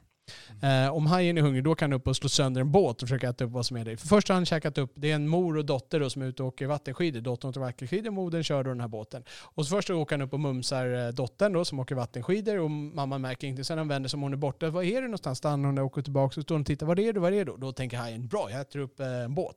Så hajen åker upp, kraschar nosen i båten. Och den här mamman börjar då givetvis skrika. Och vad gör man då? Jo, då tar man upp en bensindunk som om hon skulle kasta den på den. Men bensindunken är öppen så hon häller bensinen på sig själv. Och oj, säger hon så här och så släpper hon bensindunken. Vad ska jag göra nu? Och så tittar hon sig omkring. Titta där ligger ett sån här eh, nödraket, en nödraket. Så då, ja, då plockar hon den och så ska hon då skjuta på hajen och så skjuter hon på hajen. Då är hela båten och hela hon full med bensin så de börjar brinna. Och sen exploderar hela båten av någon anledning där. Det är inte bara så att det blir en eldslåga utan det blir en jätteexplosion. Lite comic value. Ja, alltså det, det är faktiskt, det, det är inte gjort för att vara det, Nej, men nej, det nej. blir det. Ja, det är så förstår. dåligt. För det är Ja. så här, man skulle ha satt Benny Hill-musik på den här. Aj, nej, slog jag det här på mig? Vad ska jag göra? Ja, titta, en nödraket. Nej, vann jag upp. Ja, det, det är verkligen så, så dåligt. Mm. Ehm, och hela tiden så sitter det en, eh, en Så- så gumma förlåt. som sitter kanske så här Ja. 100 meter in på land som ser den här explosionen. Men hon märker ingenting för den här explosionen trots att de har skrikit, trots att en haj brakar in i en båt och allting. Ja, det är ja, 50-11 grejer. Och det är liksom, där, där har de redan sålt bort hela filmen. Mm. Så eh, eh, jag ska se om jag hängde med i all handling här nu, men, men eh, är, är det så att, att hajen attackerar båten och den här kvinnan då, det är hennes fel att båten sprängs. Ja. Och då, då genom att båten sprängs så drar the good guys slutsatsen att en haj är i farten. Nej, inte ännu då. Nej, För okej. att det blir först när det här späckhuggaren som kommer efter den, när den spolas i land, det är då de Ja, börjar var få hajgrejer. Okej. Ja. Sen hittar de det här brända liket. Och det är egentligen det är en konstig scen också. Han går ute på stranden och ser någonting ute i sjön så han går dit och så vänder han på det. Så är det ett bränt lik liksom, för det är mamman som Mm. har brunnit upp. Men hajen lär inte ha knaprat på henne. Jag tror inte hajar äter rostat liksom. Men du, nu har du alltså sett, nu har du sett eh, Hajen 1, 2, 3 och 4. Ja. Ja, och eh, vilk, Hajen 1 är ju bäst då, eh, förstår jag. Hur, hur, dålig är den här för, i förhållande till 3 och 4? Jag gick faktiskt in och kollade mina betyg på de här filmerna. Eh, och den första Hajen-filmen, den gett en åtta. Alltså Mm. en riktigt bra film. Eh, den här filmen, den gav jag en fyra. Det är liksom, det är fortfarande en del fina scener, det är bra musik, det, det räddar en del liksom sådär. Det är, när de är ute och seglar, liksom det här ungdomsgänget. För det slutar med att ett ungdomsgäng ska segla ut, bland annat hans söner, eh, sheriffens söner då, Roy Schneiders, eh, åker ut och seglar. Det är väldigt fin musik till det där. Men eh, ja, actionfilmer, det funkar inte. Sen när de har kraschat ut, då kommer en helikopter och så åker hajen och äter upp helikoptern. Du hör bara hur dåligt det här är. Mm. Eh, han äter inte upp helikoptern, men han simmar upp och drar ner helikoptern i vattnet. För det tyckte han var en bra idé som haj. Liksom. Eh, Hajen 3, så, så den här fick en 4. Så ettan en 8, den här är tvåan en 4. Hajen 3, som var Hajen 3D, heter den egentligen. Mm. Eh, den fick en 3. Och det som är den fjärde Hajen-filmen som heter Jaws the Revenge, den fick en 2 och den är alltså, den är löjlig. Vet, Så det är liksom ett nedåtgående Oh, led ja. från ettan? Ja, men det, det är ganska stort dropp. Jag trodde att tvåan i alla fall skulle vara en sån här sexa. femma Ja. sämst. Men det här är en dålig film. Mm.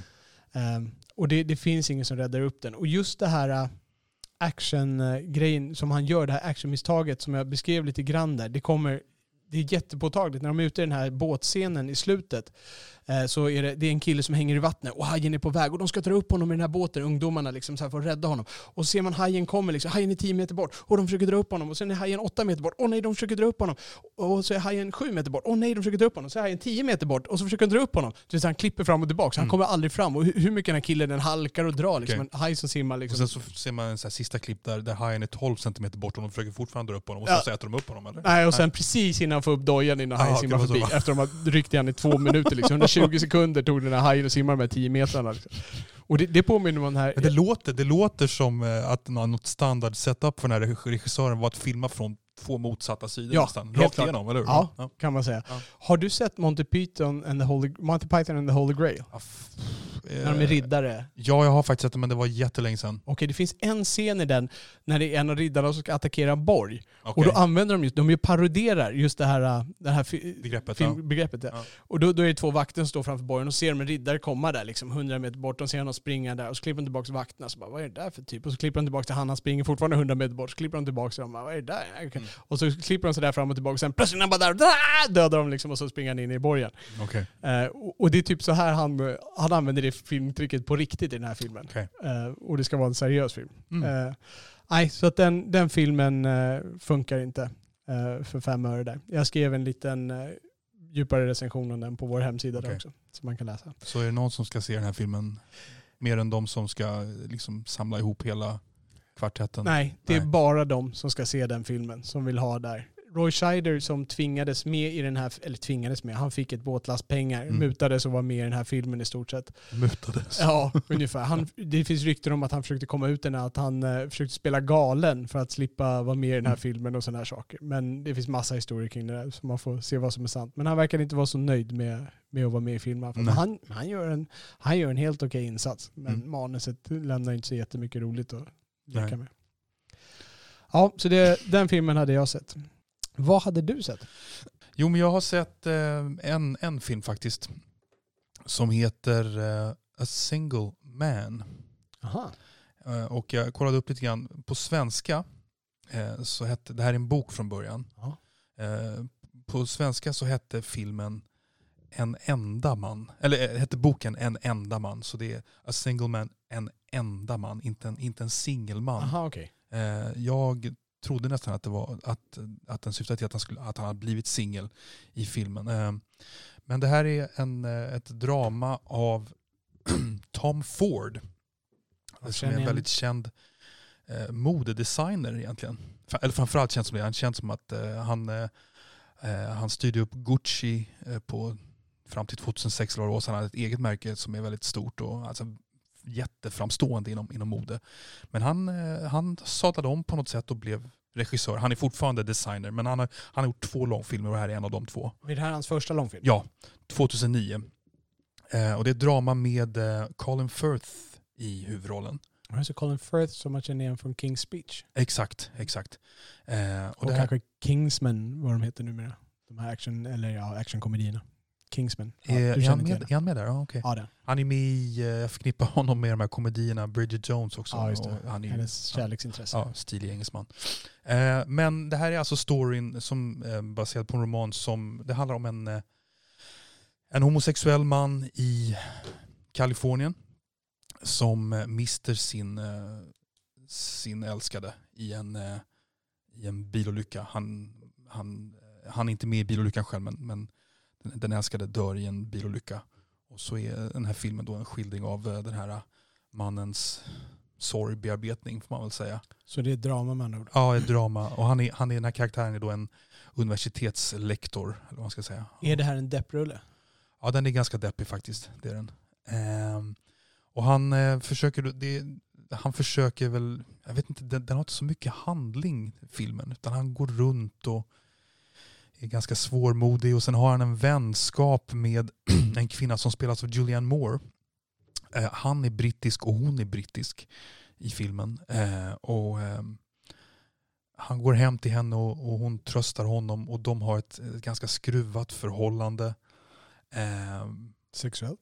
Ja, de har alltså de har haft en sexuell, de har haft sex i, i unga år och sen har de blivit vänner och den här kvinnan har, har varit gift och haft barn men har blivit lämnad av mannen och är ganska miserabel hon också. Eh, Två trasiga människor. ja, två ganska trasiga människor eh, som försöker trösta varandra.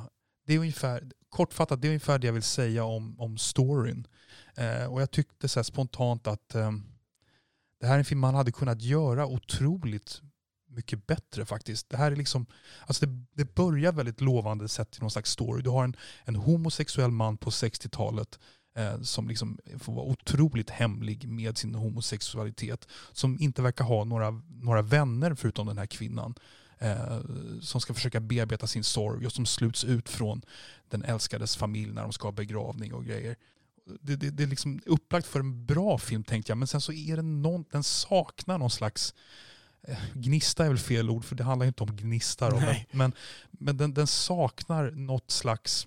Det är två grejer som gör att jag inte tycker att det här blir en så jättebra film. Vilka två? Eh, det ena är att det, det, jag tycker att det saknas någon slags skådespelarkemi mellan Julianne Moore och Colin Firth. Det klickar inte. Nej, och märk väl att vi, vi snackar, det är, liksom, det, det är på skådespelarnivå, men de är inte attraherade av varandra. Eh, eller hon är lite attraherad av honom, men han är inte inte attraherad. Men det är någonting i skådespelarkemin som jag inte riktigt tycker stämmer. Jag tycker inte riktigt att man tar vara på Julianne Moores karaktär. Det känns som en sån här karaktär man kanske borde ha utvecklat lite mer, för hon är inte med jättemycket i filmen. Eh, och sen så flyter liksom Colin Firth runt och eh, eh, åtrår en, två andra män och så att säga. Och jag ska inte avslöja hur, hur filmen slutar men eh, kemin, eh, kemi, alltså lite, lite bristande handling, skådespelarkemin som inte riktigt finns mellan Julianne Moore och Colin Firth. Och tredje och kanske viktigast är att det är, jag tycker det är väldigt svårt att få någon sympati för den här Colin Firth-karaktären för han är så kant, han är så kantig i sitt sätt. Eh, och det är där någonstans som jag börjar undra om, de, om regissören Tom Ford, som även har bearbetat manus ihop med en annan person, om han har velat vara lite väl trogen den här romanen eller någonting. För Colin Firths karaktär är så eh, kantig på något sätt att jag liksom väldigt svårt att känna sympati för honom. Att vara bokstavstrogen roman, är inte det ett ganska vanligt grepp för naiva regissörer? Ja, verkligen. Verkligen. Jag kom att tänka på Stanley Kubrick faktiskt, eh, som, som lär ha sagt att han, eh, han försökte filmatisera ganska dåliga böcker, har han sagt. Vad intressant. Ja, och du vet, undantaget det var då Lolita som väl är en bra roman då. Men han, han, sa- han sa det att, att eh, eh, när han liksom tog sig an en, en, en medioker bok där han liksom kunde brodera ut lite grann själv. Jag, jag fyller i luckorna lite grann men det var ungefär kontentan av vad han sa. Han tyckte det var att föredra. Så att säga. Och jag vet inte hur bra den här romanen är men, men jag får en vibb av att, att filmen är lite för trogen den här romanen. Eh, jättestor potential, jag blev väldigt nyfiken på att, att läsa boken. Och ja, synd, för jag tycker att det, det är ett intressant tema tycker jag med en, en, en homosexuell man som liksom inte kan vara öppet homosexuell på, på 60-talet. Eh, Får jag ställa en tillbaka följdfråga där? Ja. Jag tänker på just det här att man inte får, att man inte känner med karaktären där. Du nämnde att han var lite kantig, Ja. Firth där. Är det, är det mer liksom, ligger det en brist i, i manuset? Ligger det en brist i karaktärer, alltså i skådespelaren? Ligger det en brist i regin? Eller är karaktären bara så kantig och tråkig att man inte vill titta på den? Lite av alla tre faktiskt. Jag, jag kommer tänka på en scen när han precis eh, har mist sin eh, älskade då. Så har han, har han en föreläsning eh, för eleverna där han plötsligt blir väldigt utåtagerande och arg och aggressiv i, i sin framtoning på ett sätt som han troligtvis inte är under föreläsningar annars. Eh, som inte kändes helt trovärdigt. Jag, jag hade, jag vet inte om jag hade sagt till, jag vet inte om det är regissören som sa till Colin Firth att göra sådär eller om det var eh, Colin Firth, Firths tolkning. Men, men någon, någon, något element där i hans framtoning där funkar inte riktigt. Eh, jag tror inte att jag skulle lägga det på manus faktiskt utan mer på regi eller eh, gestaltning faktiskt. Ehm, men den är, ja, det, är absolut ingen, det är absolut ingen dålig film men den hade kunnat göras så mycket bättre har jag en känsla av. Är Colin Firth rätt castad egentligen? Är, han, är han rätt val för den rollen? Alltså, då Ja, menar jag mer nu- nu- skådespelartalang. Ja, nu när jag tänker på det, nu när jag tänker på det så kanske jag lägger lite mer på regi. Jag tror mycket väl att man hade kunnat instruera Colin Firth att göra lite, saker lite annorlunda faktiskt. Men sen, är, men sen är det just det här också att han, eh, ja, om man nu ska känna tank, det är ju det är ju lättare att ta sig igenom en sån här film om man känner lite sympati för karaktären. Och det gör inte jag riktigt, fast det är en så sorglig saga. Nej. Så om man då skulle sammanfatta lite grann. Eh, vad är det för betyg du sätter på den här filmen 1-10? Ja, men den får en sexa tror jag. Okej, så den överlever i alla fall? Ja, ja. Och jag tror, jag tror att den här Tom Ford har jättestort eh, potential som, Som regissör? som, som regissör. Jag tror det. Han har gjort en film till eh, som kom 2015. Och det, och det är en film som heter Nocturnal Animals. Okej. Eh, och det är någon slags drama med Jake Gyllenhaal och Amy Adams. Eh, och den fick Grand Jury Prize i Venedig. Eh, jag vet inte vad den handlar om men jag blir väldigt, väldigt sugen på att se den filmen och se hur, hur Ja. Tom Ford har utvecklats. Jag vet inte hur, men jag såg Jake Gyllenhaal framför mig och tänkte att det här måste jag blanda upp med någon annan film. Men då måste jag ha läst någonting om den filmen någonstans. Ja, jag är generellt sett inget, inget stort fan av Jake Gyllenhaal men jag tänkte att jag skulle ge den en chans och jag tycker väldigt mycket om Amy Adams måste jag säga. Ja, Okej. Och vilka ska se den här filmen? ja nej, men jag tror man, ska, man kanske ska vara lite litterär. Jag tänker mig att de som har läst boken säkert skulle tycka filmen var intressant att se som, som ett komplement sla- slash cop-out vad man nu tycker om, om, eh, om filmen. Jag vet inte, jag, jag tänker mig att jag, jag, är, jag, vet inte, jag, kanske, jag kanske är ganska ensam i att uppleva den här filmen på det här sättet. Det, är mycket möjligt att det finns folk som blir jätteberörda av den här filmen. Faktiskt. Okej. Ja. Finns det något budskap i filmen? Finns det någon sån homosexuellas kamp och svårigheter i samhället eller någonting i den stilen? Eller hur man bearbetar sorg efter en partner eller någonting sånt där? Jag ska inte säga att det är budskapet men man får någon slags eh, känsla mot slutet av filmen att, eh, att man, måste, man måste sluta lite fred med sig själv kan man väl säga. Men det, som sagt, den här Colin Firth-karaktären är ganska osympatisk tycker jag. Framförallt i, ehm, och det är också någonting, det är någonting i kemin, um, någonting i upplägget mellan, mellan Colin Firth och Julianne Moore som jag har lite, lite svårt för. Ehm, faktiskt, alltså hon, hon åtrår honom, han åtrår inte henne och hon är desperat och vill ha manlig närhet. Och, ehm, ehm, och, det, och det är svårt, alltså jag menar, han, han åtrår inte henne men det, det är någonting utöver det som jag tycker känns lite, lite osympatiskt i hur han förhåller sig till henne. Fast han då, hans karaktär uppenbart tycker att hon är ganska jobbig.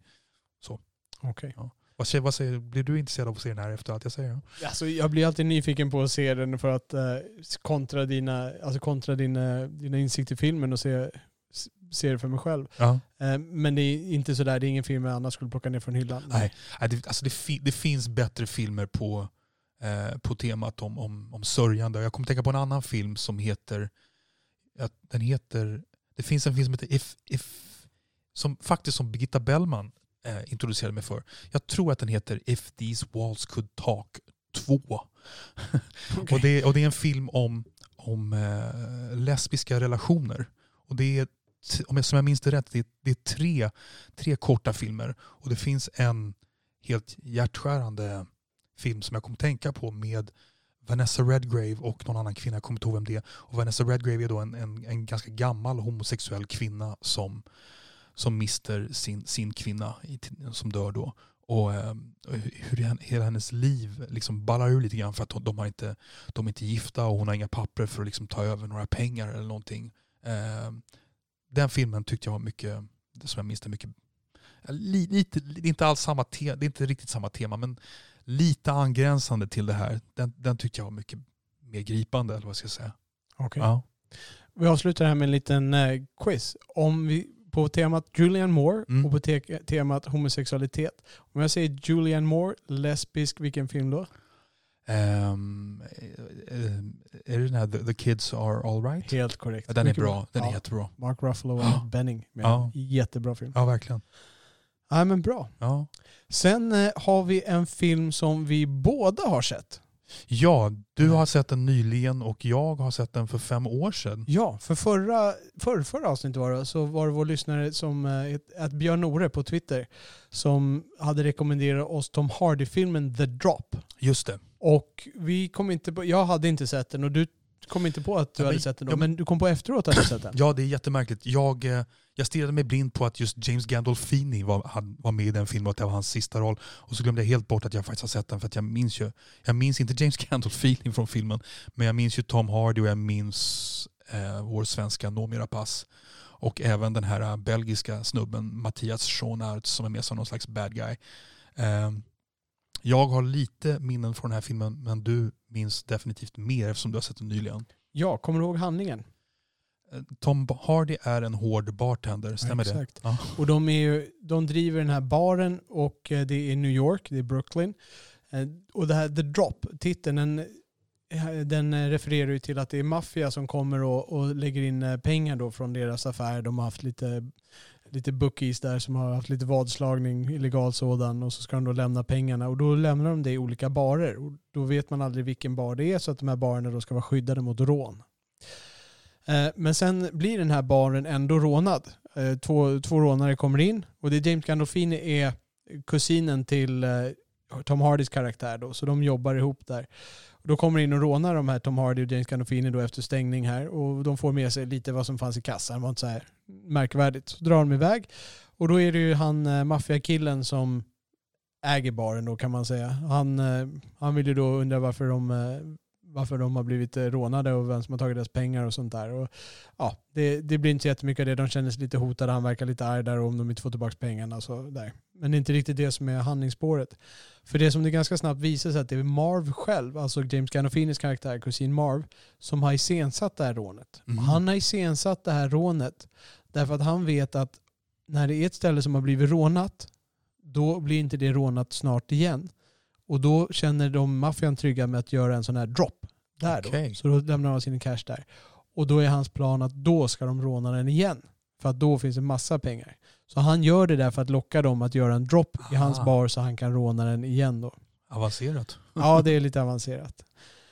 Eh, och som vanligt så börjar det här eh, gå snett Eh, med allt det här. De här killarna som han anlitade och rånade, de är inte så jättesmarta. Den ena åker dit, han hade en konstig klocka på sig som alla känner igen och så Tom Hardy råkar yppa lite om den och då eh, hittar de, maffian hittar honom och kapar av hans hand där och då blir den andra jätterädd och slutar med att James Gandolfini tar livet av honom. Sen finns det en liten sid, sidospår i det här och det är ju historien om Tom Hardy och Noomi Rapace. Blir de förälskade eller nej? Eller jag vet inte om man kan säga det. Ja. Ja, precis. Det är, väldigt, det, det är två ganska, två ganska eh, knepiga personer, Ja. eh, personligheter som eh, träffas där. De, det, Tom Hardy han hittar en hund i en soptunna Mm. Och eh, vill ta hand om den här hunden och hon kommer precis förbi när han hittar den här så de får någon sorts delad vårdnad. De börjar prata med varandra liksom där och sen växer deras relation ihop då, inte en kärleksrelation utan deras mer hundvårdarrelation och de, blir liksom ett par där och sen undrar om hon kan hjälpa till att rasta hunden medan han jobbar för att han har svårt att hinna med allting. Okej, sådär. vävs hon in i gangsterintrigen då eller? Ja, på sätt och vis. För hon har en pojkvän som förföljer henne lite grann. Och han påstår att han är ägaren till hunden och han ska ha tillbaka hunden. Så han börjar trakassera även Tom Hardy. Och han spelas ju av den här äh, belgiska skådespelaren som heter, Mattias Schoenaerts. som är faktiskt pärlan i den här filmen skulle Ja. jag vilja säga. Ja. Och han, han då vävs ju in i det här äh, hela dramat och därmed hon också. Och så blir det då en upplösning på slutet som jag inte ska avslöja. Och det, det är filmens handling i sin helhet där. Eh, kommer du ihåg vad du tyckte om den här filmen när du såg den? Alltså jag minns att jag tyckte den var, att den var okej. Ja. Jag tyckte inte att den var jag tyckte inte den var dålig. Jag har för mig att jag, jag tyckte att liksom att den, jag för mig att jag tyckte jag gillade hur den rappades upp. Jag har för mig att jag gillade Tom Hardy. Att han liksom, han hade något ganska återhållen aggression som var ganska eh, trovärdig. Han, han liksom, han började inte döda folk förrän på slutet, typ. Minns jag rätt? Alltså han är liksom visar hur jädra real deal Holyfield han är på våldsfronten på slutet. Nu spoilar du ändå. Ja, alltså han, okej. Vi, vi säger ja okej. Ja. ehm, Ja, det kör på. ja, jag har inte riktigt avslöjat, men okej, det, there will be blood. ehm, och ja, Eh, Ja, och jag, jag är väl inne på lite samma. Det, det är okej. Eh, och slutet räddar upp den lite grann. Eh, från att ha varit ganska både missriktad och lite för slentrian samtidigt. Eh, framförallt spänningen tycker jag de aldrig får till. Det, det, liksom, det blir ingen riktig spänning och det sätter jag mycket på regin. Det här är ju en belgisk regissör. Det var han som tog med sig, den, ja, Mm. tog med sig den här belgiska skådespelaren då. Eh, och det här är hans första och troligtvis sista Hollywood-försök. För att det blev inte så bra. Det vart ingen succé där i kassaklirret. Det låter nästan som att Sean Arts kanske tog honom till Hollywood tvärtom. För när Sean Arts var ganska etablerad innan den här filmen. Ja, det var så Ja? Okej. ja. Så då kanske han lockade till sig det. Ehm, och det, är ju, det finns exempel, det finns en scen där när de, de står i baren och så ska den här gangstern komma in. Det är då de, då de ska avslöja att de ska göra den här stora droppen då i, i Marvs och eh, Tom Hardys, i Gandolfinis och Tom Hardys bar då.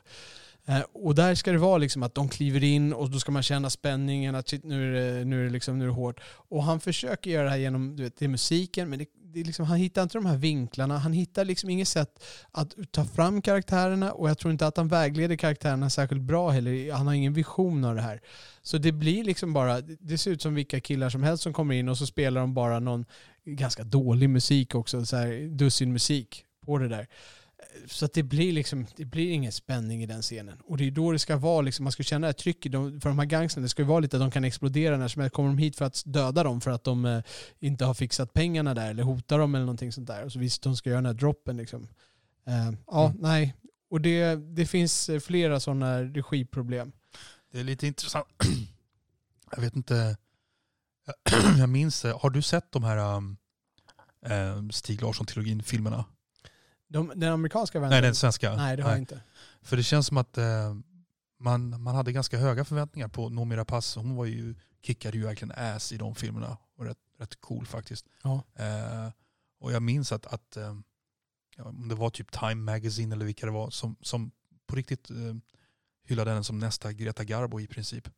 Eh, men det känns som att hon har fått lite väl många sådana här roller. Hon har ju valt dåligt. Hon har kanske valt dåligt. Ja, hon, gör, hon försöker göra det bästa av grejerna men det, det, hon hamnar i dåliga regissörer, dåliga Ja. filmer. Ja. Hon var ju med i Ridley Scotts Prometheus. Det är väl det. kanske hennes största roll kommersiellt. Är hon huvudrollen där? Är Hon är huvudrollen där ja. Ehm, och det, hon, hon gör ett bra jobb, absolut. Men det är inte en bra film. Liksom. Det finns inte så mycket att rädda där. Det är, det är inte särskilt bra. Hon ska springa runt och skrika. Liksom. Mm. Ehm, men det hon gör, gör hon bra. Uh, nej, så jag, jag håller med. Jag skulle vilja se henne i någonting annat. Jag skulle vilja ge henne chansen i lite bra filmer. Ja. Jag vet inte om hon kanske väljer lite för... för den här filmen, det här var ju något, hon hade träffat Tom Hardy på någon läsning tidigare. De skulle läsa till några roller som de inte fick. Och de fick lite kemi. Så att de höll kontakten, hon och Tom Hardy.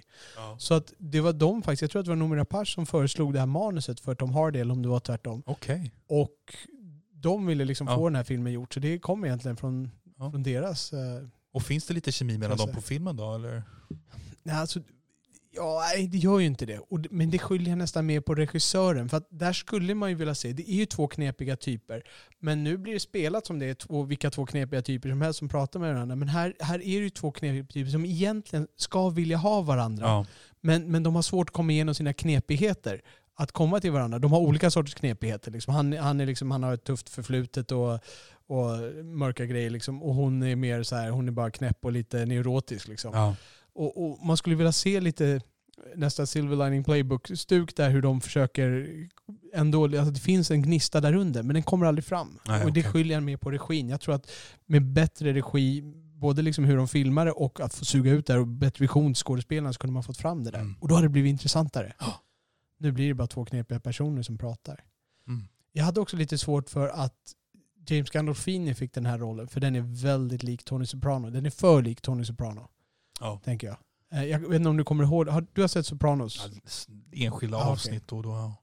För jag har ju sett alla sex säsongerna är det väl. Och han har ju vissa sådana här eh, mannerisms, vad säger man på svenska? Ja, vissa manér- egenheter. Manér, ja. Ja, vissa manér. Så han, han pillar sig på sin näsa sådär liksom, som man känner igen från Tony Soprano. Och då, och då gör James Gandolfini samma sak här. Mm. Och han är samma kraftiga typ, lite så överviktig och han, eh, han är ju liksom i den undre världen. Han är inte direkt maffian här då, men han är ju ändå i den här världen. Det är samma värld, det är lite samma roll, han har lite högre status än flera andra, även om han inte är högst där. Mm. Och sådana saker. Det, det blir lite för mycket. Tony Soprano spökar liksom över hela den rollen. Okej. Och jag, Eh, Det förtar lite av det hela. Det känns som att man tittar på Tony Soprano i en annan variant. Lite autopilot. Ja, Ja. Men, men han Mattias Schornetz, han, eh, jag tycker han stjäl showen. Ja. Han är jättebra som, eh, som den här eh, som förföljer Noomi Rapace och trakasserar Tom Hardy då. Ja. Och sen blir involverad i hela gangsterbiten där också mot slutet. Eh, vad, vad ger du den här filmen för betyg på ditt minne? Ja, nej, men det kanske... Ja, Men kan, kanske att jag ger den en sexa ändå. Eh, Jag funderar på, jag, jag gav ju nyss Single Man sexa. Single Man är ju en bättre film. Eh, samtidigt, ja, jag ger ändå en sexa tror jag. En sexa var också precis vad jag gav. Ja. Och den, eh, det var slutet som räddade upp det där mycket. Jag, var, jag, jag darrade lite mellan en fyra och en femma innan dess. Men slutet räddade upp den Mm. lite grann. Ja. Ehm, ja, så att den varsin sexa till filmen The Drop. Och vi tackar att Björn Nore som uh, tipsade oss om den här filmen. Och gärna fler filmtips. Vi kanske inte föll för den här lika mycket som du gjorde nu, men ge oss fler chanser. Ge oss fler chanser säger vi. Eh, ja, det var de filmerna som vi hade sett. Okej. Vi har ju lite nyheter i Hollywood här och eh, avrunda med. Så vad har hänt i Hollywood? Eh, Det är en regissör som har gått bort som heter Lynn Shelton. Eh, Är det någon du känner till? Nej, jag vet inte vem Lynn Shelton var faktiskt. Ja, inte jag heller måste jag erkänna. Men hon, det vart lite stor... Eh, på social media så gick det ut lite där. Jag kollade upp lite vad hon hade gjort. Hon hade gjort någon, eh, någon drama, Your Sister Sisters med Emily Blunt och eh, komedin Laggies med Keira Knightley. Mm. Eh, bland annat. Och nej, ingenting som jag känner till sådär. Men hon har gått bort och hon fick lite uppmärksamhet kring det. Okej. Ja, eh, lite, lite mm, lätt filmkoppling som gjorde att jag tog med den här. Eh, en kvinna som heter Astrid Kirchen, Kircher. Astrid Kircher. Ja, ehm, som var en companion till The Beatles tidigt i, ehm, när de var i Hamburg. Companion på vilket sätt? Ja, var det hon hon som var den femte biten? Nej, nej, utan så här. Eh, det här var alltså när de var i, i Hamburg eh, och hon blev tillsammans med ursprungsbasisten Stuart Sutcliffe som sen, eh, Han var den femte biten. ja eller eh, den fjärde när det begav sig. Jag vet inte riktigt om han spelade bas och, för Paul McCartney spelade ju bas, jag vet inte om Paul McCartney gjorde något annat då. Jag vet inte, men han var basist original. Men han valde en konstnärsbana istället där i Hamburg och blev ihop med den här eh, Astrid Kircher. Hon har dött vid 81 års ålder. Eh, och vad är filmkopplingen? Jo, där? det kom en, faktiskt en väldigt bra film. Eh, Är det att Paul McCartney skrev filmmusiken till Live and Let Die? ah, det här är 1994 så kom en film som heter Backbeat som handlar om Känner jag namnet eh, eh, kärlekshistorien mellan Kircher eh, och eh, den här eh, Stuart Sutcliffe och eh, eh, en skådespelerska från Twin Peaks som heter Cheryl Lee spelade den här Kircher och eh, det jag minns då det är att ehm, eh, en cool snubbe spelade Stuart Sutcliffe, vad heter han nu då? Skäggig snubbe som är med i Blade också, vad heter han? Steven Dorff. Steven Dorff? Steven. Dorff spelar den här Stuart Sutcliffe. Han är cool. Han är cool faktiskt. Eh, så eh, ja, Astrid Kircher har av Kirchherr har avlidit Och filmkopplingen var att det har gjorts en film, film. om henne. om hennes relation Okej. med, med Stuart Sutcliffe. Ja. Okej. Eh, too, too långsökt, eller vad säger du? Nej. Ja, det, jag jag säger att det gränsar i alla fall. För då, då är liksom Hitler dog, Ja. då är det filmrelaterat. För Ja, det många filmer. Absolut. Nej, men grejen att, eh, den där filmen Backbeat var väldigt bra som jag minns det. Ja, men om vi ska gå till lite mer kortsökt filmkoppling så ska jag spela det här och ska vi se om du känner igen och kan placera det här.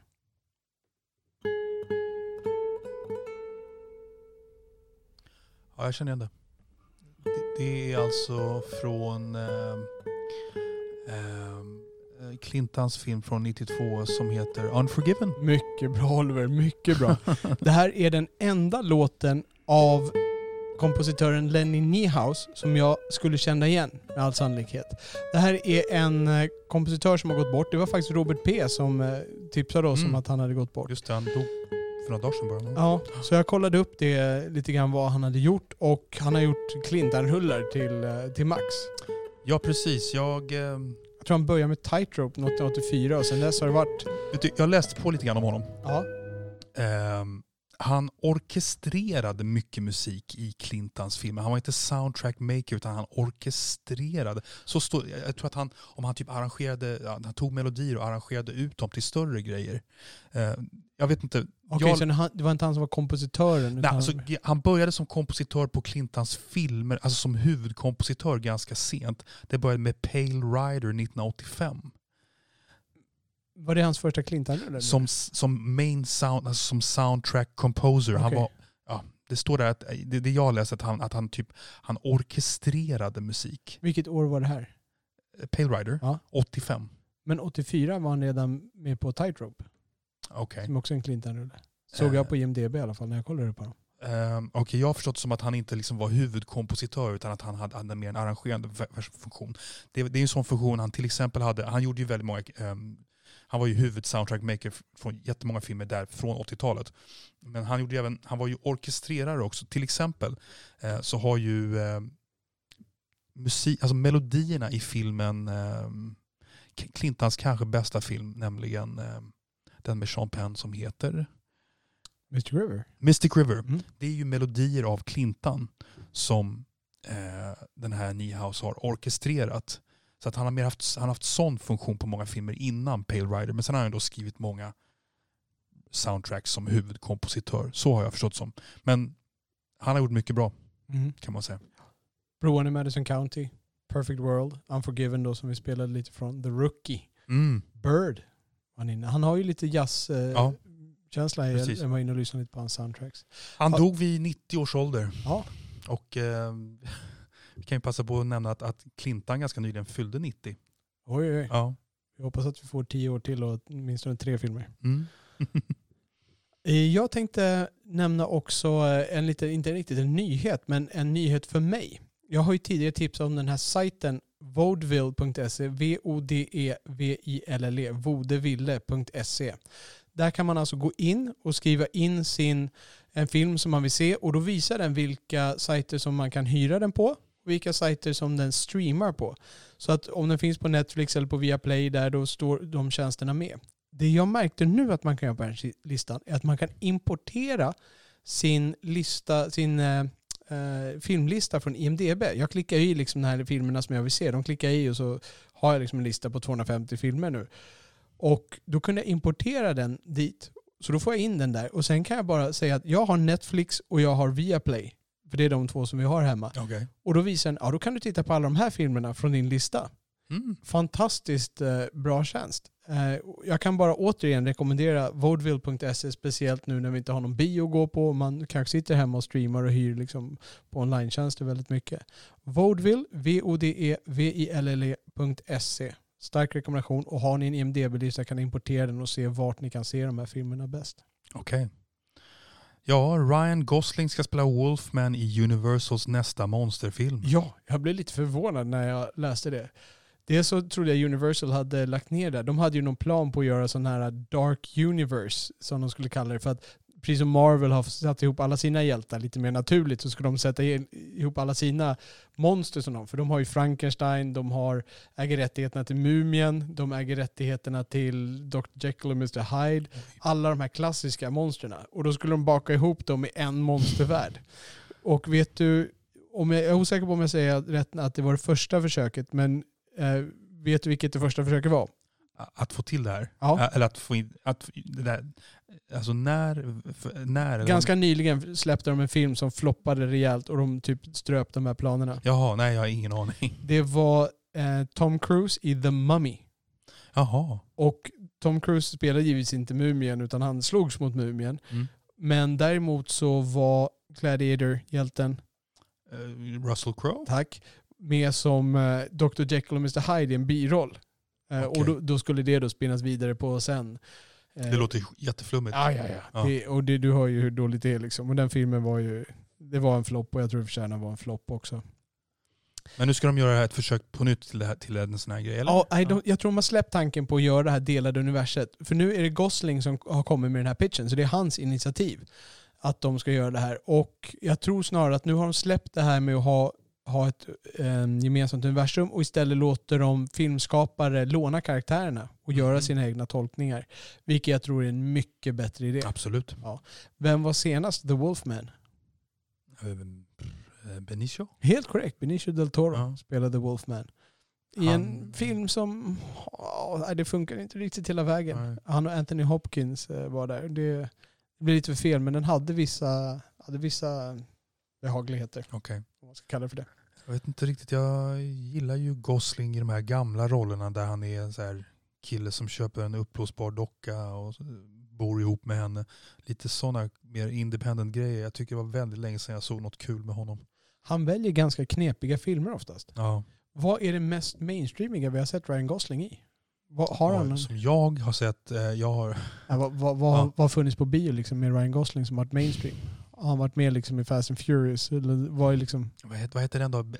Den är, inte, den är inte mainstream men den var lite mindre indie i alla fall. Den här, vad heter den? Beyond the Valley of the Pines Ja, just det. med Bradley Cooper.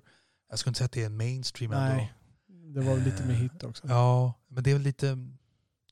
Jag vet inte. Jag har sett något, polit, något politikdrama med honom och George Clooney. Ja, just det. Eh, Jag jag ser bilden framför mig. Ja, vad säger du själv om, om Aj, jag vet inte. Alltså, jag beundrar ju skådisar som tar det. För jag tror han skulle kunna vara en mainstream-stjärna om han ville. Han skulle kunna vara en actionhjälte och han har ju liksom utseende. Ja, Och, men det, det har lite svårt, jag tycker att han har det är lite så här, jag får lite, det är möjligt att det är lite mer indie i valen men det finns någonting, jag får lite så här Leonardo DiCaprio-vibbar att han kommer att snöa in på att spela tuffa killar.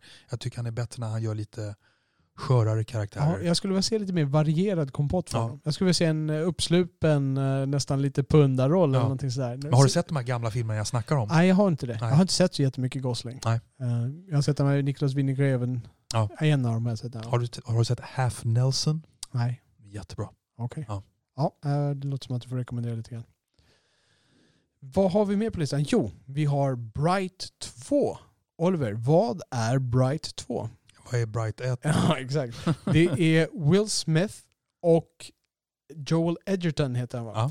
Han Eh, gillar jag. Ja. Mm. Du kommer känna igen honom i den filmen för han spelar eh, troll eller vad det är för någonting. Eh, Det här är en, det här är en annan värld då där vi bor i en värld med sagoväsen. Det är ungefär som om sagorna var sanna och hur hade det sett ut i modern tid då när vi har mobiltelefoner, Askungesagan när det finns feer och, och Hans och troll. Och, och- ja, exakt. Det om man- låter ju lite kul. Ja.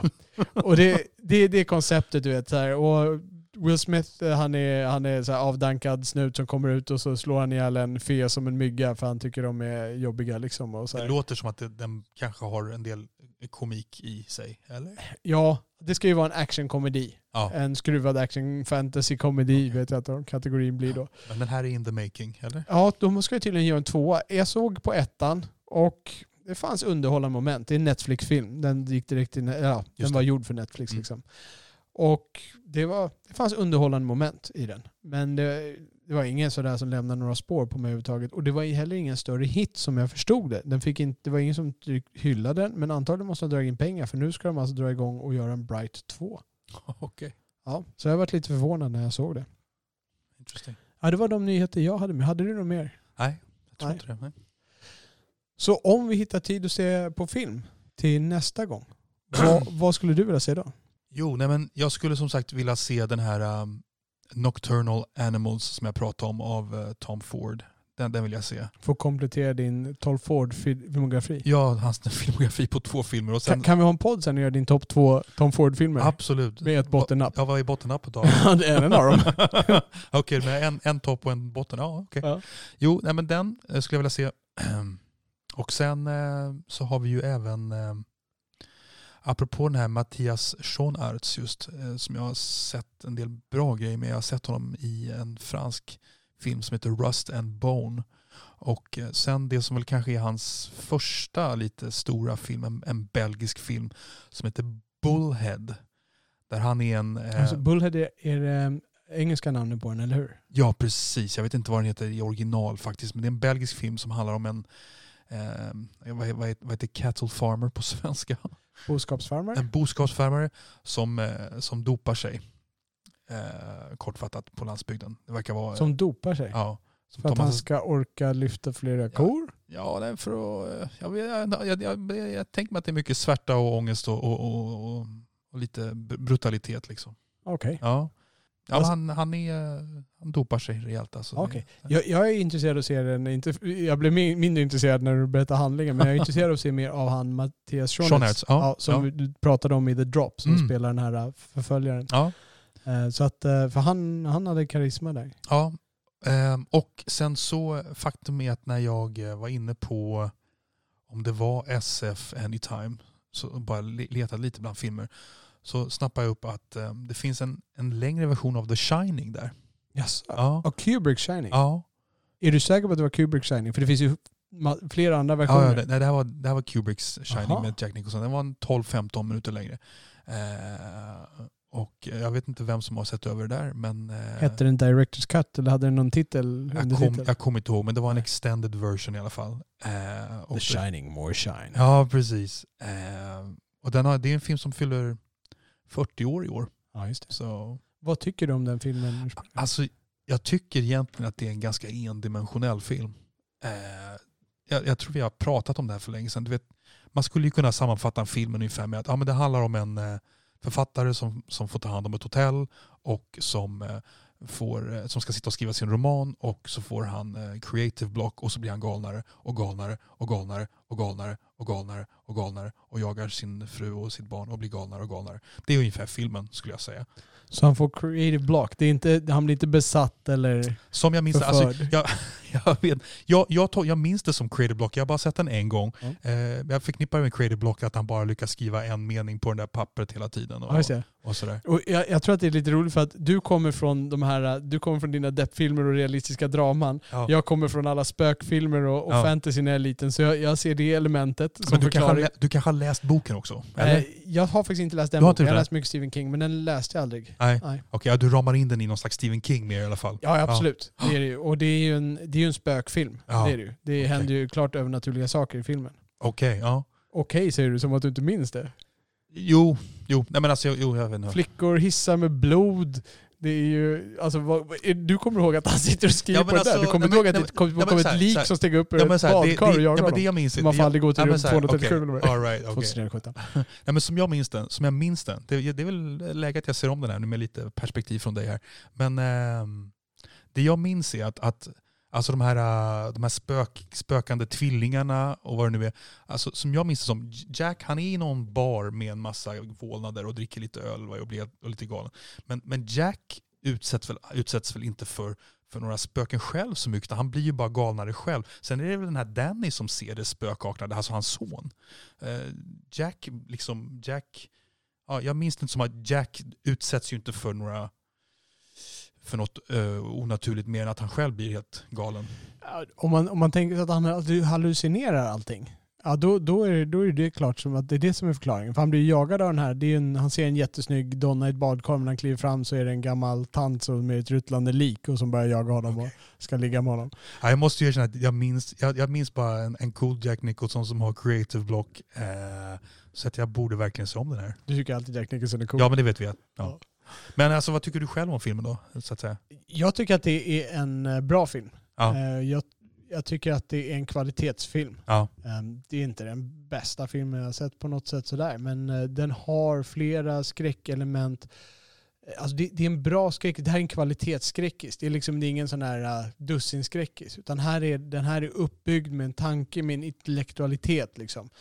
Eh, hur de bygger upp liksom, Okej. skräcken är. Ja. Så att jag, jag tycker att det är bra. Den, den trappas upp bra och de tar de övernaturliga elementen på ett bra sätt. ja. Det är en sån här film jag skulle vilja se på bio faktiskt. Ja, samma här. Ja. Verkligen. Den skulle man se på stora För skärm. jag blev inte så rädd av den. Alltså jag kunde ju se att det var skickligt Ja. men jag såg den 20 år för sent. Liksom. Jag får se om vi kan få igång bioforellen här i Tyresö och så Ja. vi kan låna deras För att släcka ner hela hemmet. Och... Ja, exakt.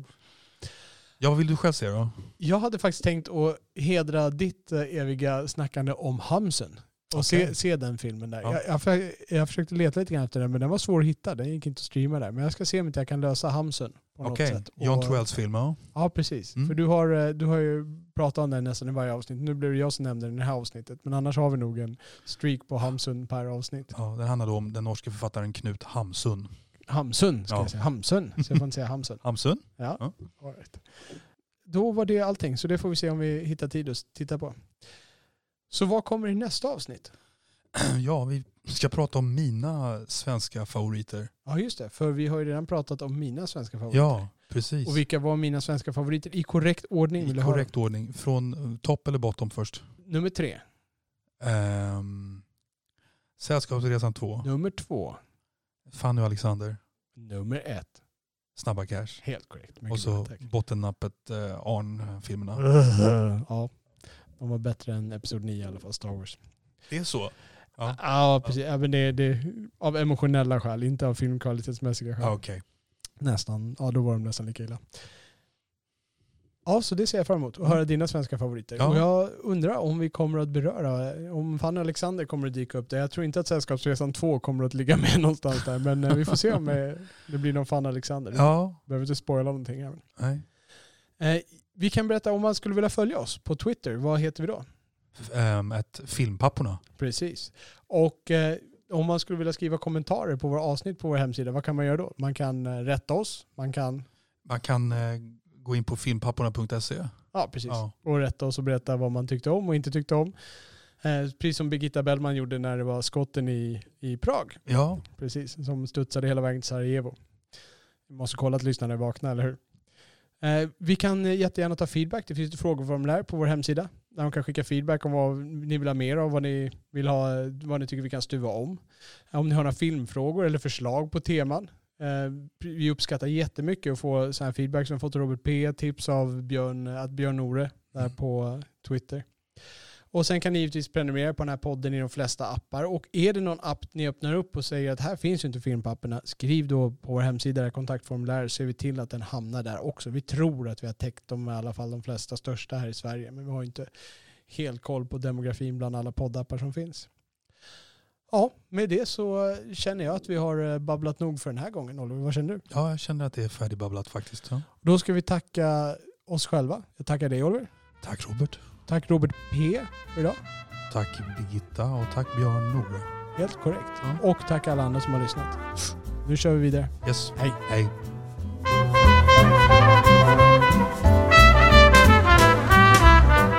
Du har lyssnat på Filmpapporna avsnitt 11. Droppad Single High söker. Inspelad 5 juni 2020. Dina värdar var Oliver Grassman och Robert Lindblad. Filmpapporna är möjliggjorda av Ekonomihjälpen Redovisningsbyrå. Du finner den på ekonomihjälpen.se. Du kan också följa Filmpapporna på Twitter, filmpapporna, samt prenumerera på podden i de flesta appar. Länkar hittar du på filmpapporna.se. Där får du också jättegärna lämna frågor eller feedback i kontaktformuläret. Och med det så tackar Filmpapporna för den här gången och önskar er mörka salonger och salta popcorn.